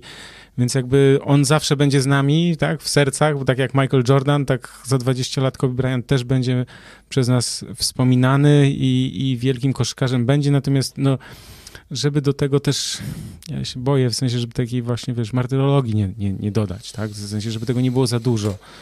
Więc to tutaj ostrożnie, ale no tak jak mówisz, no NBA to, to przemyśli. Wrzuciłem taki link do, znalazłem szybko, no to taki nieprzygotowany też, właśnie te, to zdjęcie Jerego Westa, które zostało tutaj zainspirowane. Tak, od dwóch lat basket na boiskach w Adidas Crazy 8 Damiana Lillarda. To my powiedzmy, że mamy inne Crazy buty nowe. Tak, to- na półce. Czekaj, do, do zaraz, tu nie popsuł. Do aparatu pokażę bliżej. Będzie to widać. Ja te- tu widzę z opóźnieniem, więc chwilę potrzymam tego buta tutaj, bo to jest nowy but Janisa i jest totalnie szalony. Jak Pokaż te potrzebuje- literki z, z tyłu, w sensie. Tak, tu, z tyłu. Ja mam Że- jakieś opóźnienie na moim YouTubie, bo cały czas tego nie widzę. Stoi? Żeby- Stoi? Jest stoi. okej. Może zobaczymy, jak, jak żeby nas ostrość, żeby nam nie, nie stracili, żebyśmy nie stracili. Ale y, tak, to są nowe buty Janisa, które. O, właśnie, ja dopiero widzę, jak Ja je też, bierzesz. ależ tu jest opóźnienie. Dobrze, no. Ym, które są w oficjalnym sklepie Nike dostępne. Pamiętajcie, że niedługo będzie kolejna promocja. Ja jeszcze nic nie wiem na temat kolejnej promocji w oficjalnym sklepie Nike. Yy, ja te buty. Co? Zdejmuję tego buta, bo Dobrze. zakłóca nam ten. Tu będzie lepiej się prezentował. Ym, Promocja Nike. tak, niedługo będzie. Jeszcze nie wiem kiedy. Nie mogę też informować wcześniej, także na probaskecie będzie o tym informacja. Yy, A te Janisy przyszły yy, jako prezent, także dziękuję bardzo yy, wujkowi Nike'owi. Co prawda mam pewne obawy, czy te literki mm, nie są za bardzo, nie są trochę jak dla twojego syna, a nie Albo dla na 40... kryzys wieku średniego. Albo na kryzys wieku średniego. Chciałbym mimo wszystko jednak uniknąć tego typu oskarżeń. Więc zastanowię się, czy mm, będą one tylko tutaj dekoracją, pozostaną dekoracją w naszym e, wspaniałym studiu, czy jednak y, przywdzieję je y, w okresie wiosennoletnim. Ale ogólnie bardzo wygodne, w sensie ja sobie cenię, bo poprzymierzałem, pochodziłem chwilę po domu i powiem szczerze, że są, że fajne mają takie wzmocnienie po bokach. E, Jeśli ktoś się zastanawiał, to myślę, że może rozważyć. Ja mam te wcześniejsze Janisy z odwróconym logiem Nike. O. Są bardzo fajne i nie mają tylu mm, literek świadczących Wiesz o kryzysie je- jeśli, będzie, jeśli, będzie, jeśli, no, jeśli będzie promocja, może ja sobie zamówię takie bardziej stonowane. Może tak. Em, powiedzcie coś o naszej gwieździe Jeremim Sochanie. Czy jest szansa na coś w NBA? Powiemy, powiemy. No tak, no mieliśmy taki troszeczkę temat, ja chciałem Krzyśka nakręcić, żeby znowu tutaj coś Ja powiedział powiem, co- dobrego o polskiej koszykówce. Znowu dobrego o polskiej Tak. koszykówce. Niewiele tego jest, ale akurat Jeremy Sochan jest takim gościem, o którym warto dobrze mówić. Y, To, co zrobiło na mnie największe wrażenie e, w meczu z Rumunią, a właściwie po meczu z Rumunią, to była jego wypowiedź, e, w której on powiedział, no ja chcę, ja chcę grać w NBA, ale ja tam chcę zostać na co najmniej 10 lat. Ej, ja uwielbiam takich gości. To nie jest, że no może kiedyś dostanę szansę, A, będę nie, się starał, będę trenował ciężko i w ogóle to te... Nie, ja chcę tam grać i ja chcę tam grać 10 lat. I y, to jest naprawdę spoko. Ten chłopak ma papiery na granie w NBA. Y, teraz, uwaga, będzie trochę gorzej polskiej koszykówce. Poczekaj, Jeśli- ale Jeremy Sochan to jest jeszcze ten, jest świetny wątek, bo to jest y, syn Anety Sochan, mojej koleżanki z liceum, o dwa lata starszej ode mnie, z rocznika. y, Byłej zawodniczki Polonii. Byłej zawodniczki Chociaż- Polonii, no bo ja chodziłem do liceum na Polonii, e, więc jakby tutaj e, ta rodzina koszykarska polonijna może, słuchaj, znów będzie taka mocna, no jak kiedyś. Tak, natomiast y, no, przy tej całej historii, bo on też ma dziadka, który był y, działaczem w, Juliusz, tak w Polonii Pan Warszawa. Natomiast y, koszykarsko, jeśli trafi do NBA, no będzie kolejnym Polakiem, który trafił do NBA wychowany koszykarsko poza Polską, bo Maciej Lampę i Marcin Gortat y, no nie nauczyli się za dużo koszykówki w Polsce, y, delikatnie mówiąc, i Jeremy Sochan też się jej w Polsce nie uczył. Natomiast y, fajnie, że gra w reprezentacji Polski, fajnie, że mówi po polsku, fajnie, że mama dbała o tradycję i o język i naprawdę super chłopak z super umiejętnościami. Tam parę rzeczy pewnie jeszcze moglibyśmy wyciągnąć do poprawienia, ale na, No, w, tym wie, w tym wieku e, wiesz, gość wchodzi w wieku 17 lat do reprezentacji Polski, dobra, z Rumunią, no z Rumunią, ale i po prostu gra jak, Papiery jakby na- rzeczywiście przyjechał z Papiery NBA na, granie, właśnie. papiery na granie są, jest tylko jeden problem zawsze, jak chcemy być tak o, no, obiektywni, tak, bo życzymy mu jak najlepiej. Natomiast zawsze problem takich zawodników, nazwijmy to z pozycji, nie wiem, 1, 2, 3, jest taki, że konkurencja jest znacznie większa niż na pozycji 4-5, bo po prostu tych zawodników, nazwijmy to około dwumetrowych i niższych jest mniej niż, znaczy jest więcej niż tych wysokich. Mhm. Bo taki Oleg Balcerowski zdarza się rzadziej niż jeden na milion. I jeśli ktoś miałby grać w NBA, ja to mówiłem już rok temu, słuchajcie, Oleg Balcerowski ma papiery na granie w NBA, Kristaps Porzingis, w sensie to jest jakby ta, ta droga, ta ścieżka, naprawdę, on w tej Hiszpanii tam jak był, to no niewykorzystany tam potencjał, nie wiem jak za bardzo o co tam chodziło, dlaczego on tam tak mało grał, natomiast on potem był, wiesz, on, słuchaj, on był bardzo ważną postacią drużyny na Mistrzostwach Świata w Chinach, tak? Mhm. Teraz wychodzi, też jest w gazie okrutnym. Moim zdaniem, jak z tego nie będzie NBA, to, to coś będzie nie tak. Więc jakby ja bardzo mocno trzymam kciuki i widzę tutaj olbrzymie szanse. Olbrzymie szanse i mówię to bez, yy, bez, nie wiem, bez słodzenia, bez dodatkowego lukru, tak? Moim zdaniem Oleg Balcerowski mm, jest gwarantem, jeśli chodzi o, o y, tylko żeby ta, ta kariera, w sensie, żeby ją dobrze poprowadzić, żeby trafił na właśnie odpowiednich ludzi, żeby go, żeby go poprowadzili i żeby nie popełnił jakichś błędów i, i tutaj może być NBA z tego. Ja będę się trzymał wersji, że jak kogoś zobaczymy prędzej w NBA, to Jeremiego Sochana. Mam- Ja, mam ja nie twierdzę, znaczy nie wiem, nie wiem, czy ty, znaczy, wiesz co? Zróbmy tak. Zró- zawrzyjmy deal. Obaj niech, niech trafią do NBA. Mm, Tak by było najlepiej, czyli życzymy im, żeby w najbliższych latach nie grali w reprezentacji Polski, bo jak będą grali w NBA, to pewnie większość meczów e, biało-czerwonych będą Nie, to omijać. spokojnie, to, to się da połączyć. O, na Igrzyskach Olimpijskich i Mistrzostwach Świata. E, Jest tu trochę pytania, nie wiem, czy my w tematy koszkadry, pojednania prezesa z Adamem Waczyńskim, pojednania w cudzysłowie e, i Spontaniczny wywiad, tak? spontanicznego wywiadu. To Nie słuchajcie, ja myślę, że, te, że to jest temat yy, dla fanatyków. PLKPL pod tym hashtagiem na Twitterze. Tak, no to, to myślę, że każdy chyba już widział. Ja też zresztą tam napisałem na Twitterze, nie, nie chciałbym tutaj... Zdanie mamy wyrobione na ten temat. Więc może nie brnijmy Tak, znaczy ja nie wiem, może taką sondę trzeba zrobić, kto uwierzył w szczerość słów, yy, jeśli chodzi o pojednanie, tak? I no może ktoś się znajdzie. No i no. kto uwierzył, że wywiad był spontaniczny. Zaskoczył mnie pan redaktor. Więc tak. Dobrze. Co jeszcze mamy z NBA? Lillard logo, no słuchaj, najważniejsze Ty, rzeczy ale żeśmy... czekaj, a MV, ten, to pytanie Ach, MVP? tak, o MVP, no. To też jest jedno, zaraz, ja sobie odpalę, na, bo to na Twitterze yy, było o MVP, Mhm. o MVP, zaraz, to jest, nie są proste rzeczy. Ym, tak sobie tutaj, prawda, bo tu są o Knicks było dużo, ale to już nie powiedzi, to już powiedzieliśmy, że Thibodeau może nie zajedzie. No, że ja pamiętam, bo Krzysiek Dobra, szuka... już wiem, mam. Aha. Od jakiego bilansu drużyny zaczy... y, od jakiego bilansu drużyny zaczyna się dyskusja o MVP sezonu, bo o Jokiczu mówią wszyscy, 19-15 bilans Denver, a o Stefie Karym nikt, bo Golden State mają e, bilans 19-16, czyli prawie taki sam. E, A, jeszcze flop Hardena z meczu z Clippers, żebyśmy o tym e, Dobra, to za chwilę bo to też się pojawiało. flop.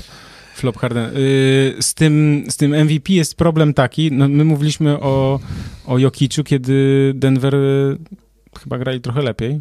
Nie, Denver nie grali w tym sezonie trochę lepiej, ale Jokic grał genialnie. Ogólnie. Hmm. Znaczy Denver też, no znowu, też umówmy się, do Denver nie grają jakoś e, e, bardzo źle, no są w pierwszej ósemce, może spodziewaliśmy się po nich trochę więcej, natomiast Jokic No tak, niesamowite.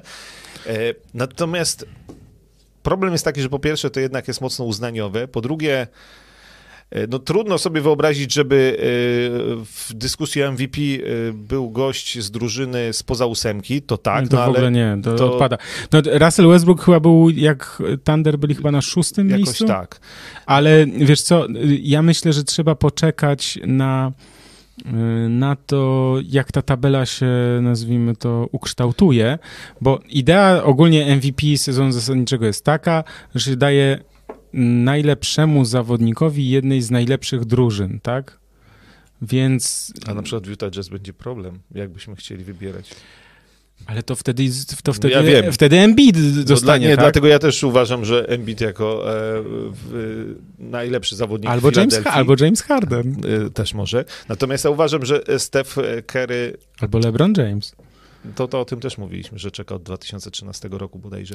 Wiesz co, E, mi się też wydaje, że ten sezon jest tak dziwny. Mówiliśmy o tym, że tutaj po prostu y, była taka sytuacja, nie wiem, parę dni temu chyba, że, że tylko chyba trzy czy cztery drużyny, no teraz jest tak, że cztery drużyny mają powyżej 50% na wschodzie, tak? To jest jeśli mnie pamięć nie myli, to jest to dość rzadka sytuacja. Yy, Ten sezon jest po prostu przedziwny, ta tabela może być bardzo, nazwijmy to, spłaszczona, tak, że, że nie zdziwiłbym się, gdyby właśnie ktoś, nie, że nie musi być to z pierwszej dru, czy drugiej, może być na przykład ktoś z trzeciej drużyny, tak, ale, ale że to będzie wybijający się zawodnik. Ja mam też takie wrażenie, y, nie wiem czy dobre do końca ze Stefem Karym, że akurat, bo on był MVP y, w momencie, kiedy po raz pierwszy w historii jednogłośnie był wybierany, nawet Michael Jordan nie był jednogłośnie wybierany na MVP sezonu zasadniczego, bo Steph Curry robił rzeczy absolutnie wielkie, przedefiniowywał grę w koszykówkę tak naprawdę. E, zupełnie e, inną koszykówkę Golden State Warriors grali wtedy, no ale miał też wokół siebie fantastyczną drużynę. Dzisiaj wiesz, Kerry nie jest gorszym zawodnikiem niż był, natomiast ma trochę gorszą drużynę wokół siebie i trochę gorsze wyniki, więc też o nim jakby pewnie mówi się mniej, natomiast Nikola Jokic e, co roku jest coraz bardziej genialny, więc to jest jakiś taki też efekt e, wow i nowości, że o nim i poza tym też trochę tęsknota za jednak za centrami, e, którzy mogliby MVP wygrać. No to wszystkie te nagrody są jednak trochę, trochę umowne, tak? I trochę jest tam bardzo subiektywnych opinii, kto jest tak naprawdę lepszy. Tak, tak to jest też ta kwestia takiego kreowania w trakcie sezonu. Wiesz, jak, jak mamy hasło, że dajmy centrowi, środkowemu, tak? Czyli, że tu Jokic albo, albo Embiid, no to już jakby trochę to wpływa też na opinie innych osób, tak? Że, tro, że to się mówi tak, wiesz, trochę jak wiatr zawieje, czy tak jak są trendy tak zwane, tak? Że trend jest teraz taki, no więc jakby... Są takie sezony właśnie łatwe, kiedy masz takie właśnie jak za czasów najlepszych Golden State Warriors, 73 wygrane mecze, Steph y, po prostu jest absolutnym liderem, fenomenalnym zawodnikiem, wtedy jest łatwo. Są takie sezony nie za często, ale są jak ten, który jest bardzo dziwny. I ten wybór jest e, bardzo e, trudny i tak naprawdę ta lista potencjalnych kandydatów do MVP, no to moim zdaniem jest akurat całkiem długa. Nie chcę powiedzieć, żebym nie przekreślał Stefa, bo za bardzo nie wierzę w to, że on MVP zostanie. Nie, no, no, no wiesz, no Golden, znaczy, inaczej, Golden State Warriors musieliby grać po prostu dużo lepiej. No, tak, to jest no, jakby... chwilowo z tej dyskusji wypadli właśnie też Lillard i Doncic ze względu na jednak trochę za mało wygranych meczów. E, Joel Embiid gra fenomenalnie e, i e, Philadelphia jest na czele, więc siłą rzeczy. James Harden być może jeszcze tutaj wskoczy na poważnie do tej dyskusji. Zwłaszcza jak nie ma Duranta, nie? W sensie, bo tak, to wiesz, nam się to... wydawało, że Durant będzie w ogóle takim faworytem, on chyba dziewięć ostatnich spotkań nie, grał. I też nie wiadomo, co tam jest z tym jego zdrowiem, co? W sensie, to mm. wiesz, jak tak ktoś nie gra dwa, trzy mecze, to tak trochę musiał odpocząć, tam wiesz, jakąś tam kroplóweczkę przyjąć, jakiś masażek mm. czy coś, żartuję trochę, ale... Yy a tutaj taka nie, to jest trochę niepokojące, no, więc jakby... Trochę tak. Także z MVP to jeszcze trochę poczekamy. Co Poczekajmy tak w sensie tak naprawdę o, na układ tabeli i na to, na to co tam się y, wydarzy. Y, powoli kończymy. Ja powiem y, jeszcze odnośnie, bo było takie pytanie, ja też dostałem w sensie, żebyśmy zrobili donaty. Słuchajcie, zróbmy tak, że jeśli komuś się podoba, lubi słuchać lubi nas tutaj pooglądać, pośmiać się z sucharów e, zacnych i tak dalej, i tak dalej, to e, po prostu jeśli chcecie nam pomóc, wesprzeć, to subskrypcje, łapka w górę, Także odwiedziny ProBasketu. Jeśli na przykład zobaczycie promocję czy Nike, teraz jest Adidasa na przykład, o ja wrzucę, słuchaj, wrzucę informację na przykład, może ktoś by chciał, na czat od razu wrzucam, proszę sobie zerknąć, to myślę, że w taki sposób y, możecie nam pomagać, nas właśnie wspierać y,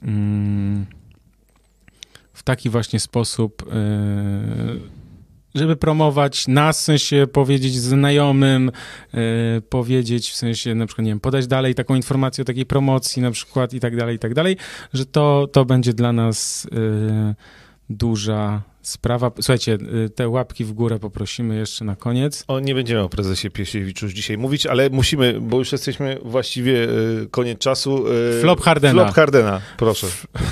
Ja mam powiedzieć? Jak uj. No, słuchaj, znaczy Rozumiem, że sędziowie są w stanie wybronić te decyzje, bo tam lewą ręką zrobił ruch Kawhi Leonard, natomiast tyle, ile dodał od siebie hmm. James Harden, to jest właśnie to, dlaczego ja na przykład jego nie lubię, a lubię Damiana Lillarda. E, to jest, jedni powiedzą spryt i wykorzystanie sytuacji, ja powiem raczej cwaniactwo, żeby nie powiedzieć oszustwo. Wyobraźmy sobie, że taką akcją kończy się siódmy mecz finału. No przecież e, po prostu no nawet ciężko to później w powtórkach e, dawać gdzieś i mówić o tym i komentować, no bo nie chcemy, żeby tak kończyły się mecze, mecze NBA. Harden tam poleciał jak po prostu oparzony, trafiony, nie wiem, lodołamaczem, a no, to, no nie, no. Nie, znaczy to, to nie jest koszykówka. Ja zawsze uważam, że udawanie, flopowanie to nie jest basket. Też oczywiście faule na tak zwane urwanie głowy i złamanie ręki to też nie jest basket, więc to hasło pod tytułem, że kiedyś to było, bo tam się lali po prostu i tak dalej, to to też nie jest koszykówka. Natomiast tutaj ewidentnie ta gra aktorska jest, mi przeszkadzała. Rzeczywiście, ja to oglądałem w iluś tam powtórkach różnych ujęć i tak dalej Lenart troszeczkę go tam odpycha i tak dalej, ale wiesz, no jak ktoś do ciebie dochodzi bardzo blisko, to robisz sobie taką przestrzeń, tak? W sensie był ten ruch w stronę jego twarzy i tak dalej, natomiast mi się wydaje, że tak nie powinny się kończyć mecze, yy, wiesz, że to takie decyzje na, na zwycięstwo, w sensie decydujące o, o, o wygranej, no, że nie. Że nie. No Czyli, nie, że flop, zres- no. no. No tak, no flop, no i dlatego, wiesz, możemy chwalić i zachwycać się świetną grą i liczbami, które wykręca James Harden, a nigdy, wybaczcie mi, nie powiem, że jest moim ulubionym koszykarzem albo coś takiego, no, no nie. Więc, więc tak. Dobra, y, to kończymy. Bardzo Wam dziękujemy. Y, Pamiętajcie, że żeby podać znajomym, na przykład jeśli macie znajomych, którzy lubią NBA, podeślijcie im link. Może akurat się zainteresują, może będą chcieli słuchać. Kolejny podcast za dwa tygodnie, 16 marca. Tak? Godzina Tak. 21. Będziesz? A postaram się, wpadnę, Wpadnę. może. Przychodziliśmy z tragarzami. No właśnie. Coś jeszcze chciałeś powiedzieć? E, sprawdzam, że 16 marca, czy dobrze Tak, mówisz? tak. E, przypominam, Blaszak Studio polecamy w Starych Babicach pod Warszawą. E, przypominamy też, że codziennie na ProBaskecie o 7 rano wyniki, w weekendy o 8. Będą niedługo kolejne fajne promocje, na które naprawdę też e, zapraszam. Największym uznaniem i podziękowaniem właśnie będzie, jak będziecie wchodzić na ProBasket, nas oglądać i nas polecać swoim znajomym. Także e, dziękujemy jeszcze raz, e, dziękujemy za to, że byliście z nami, że nas słuchaliście, oglądaliście. Krzysztof Sendecki Dziękuję bardzo. i Michał Pacuda, dziękuję bardzo, do zobaczenia.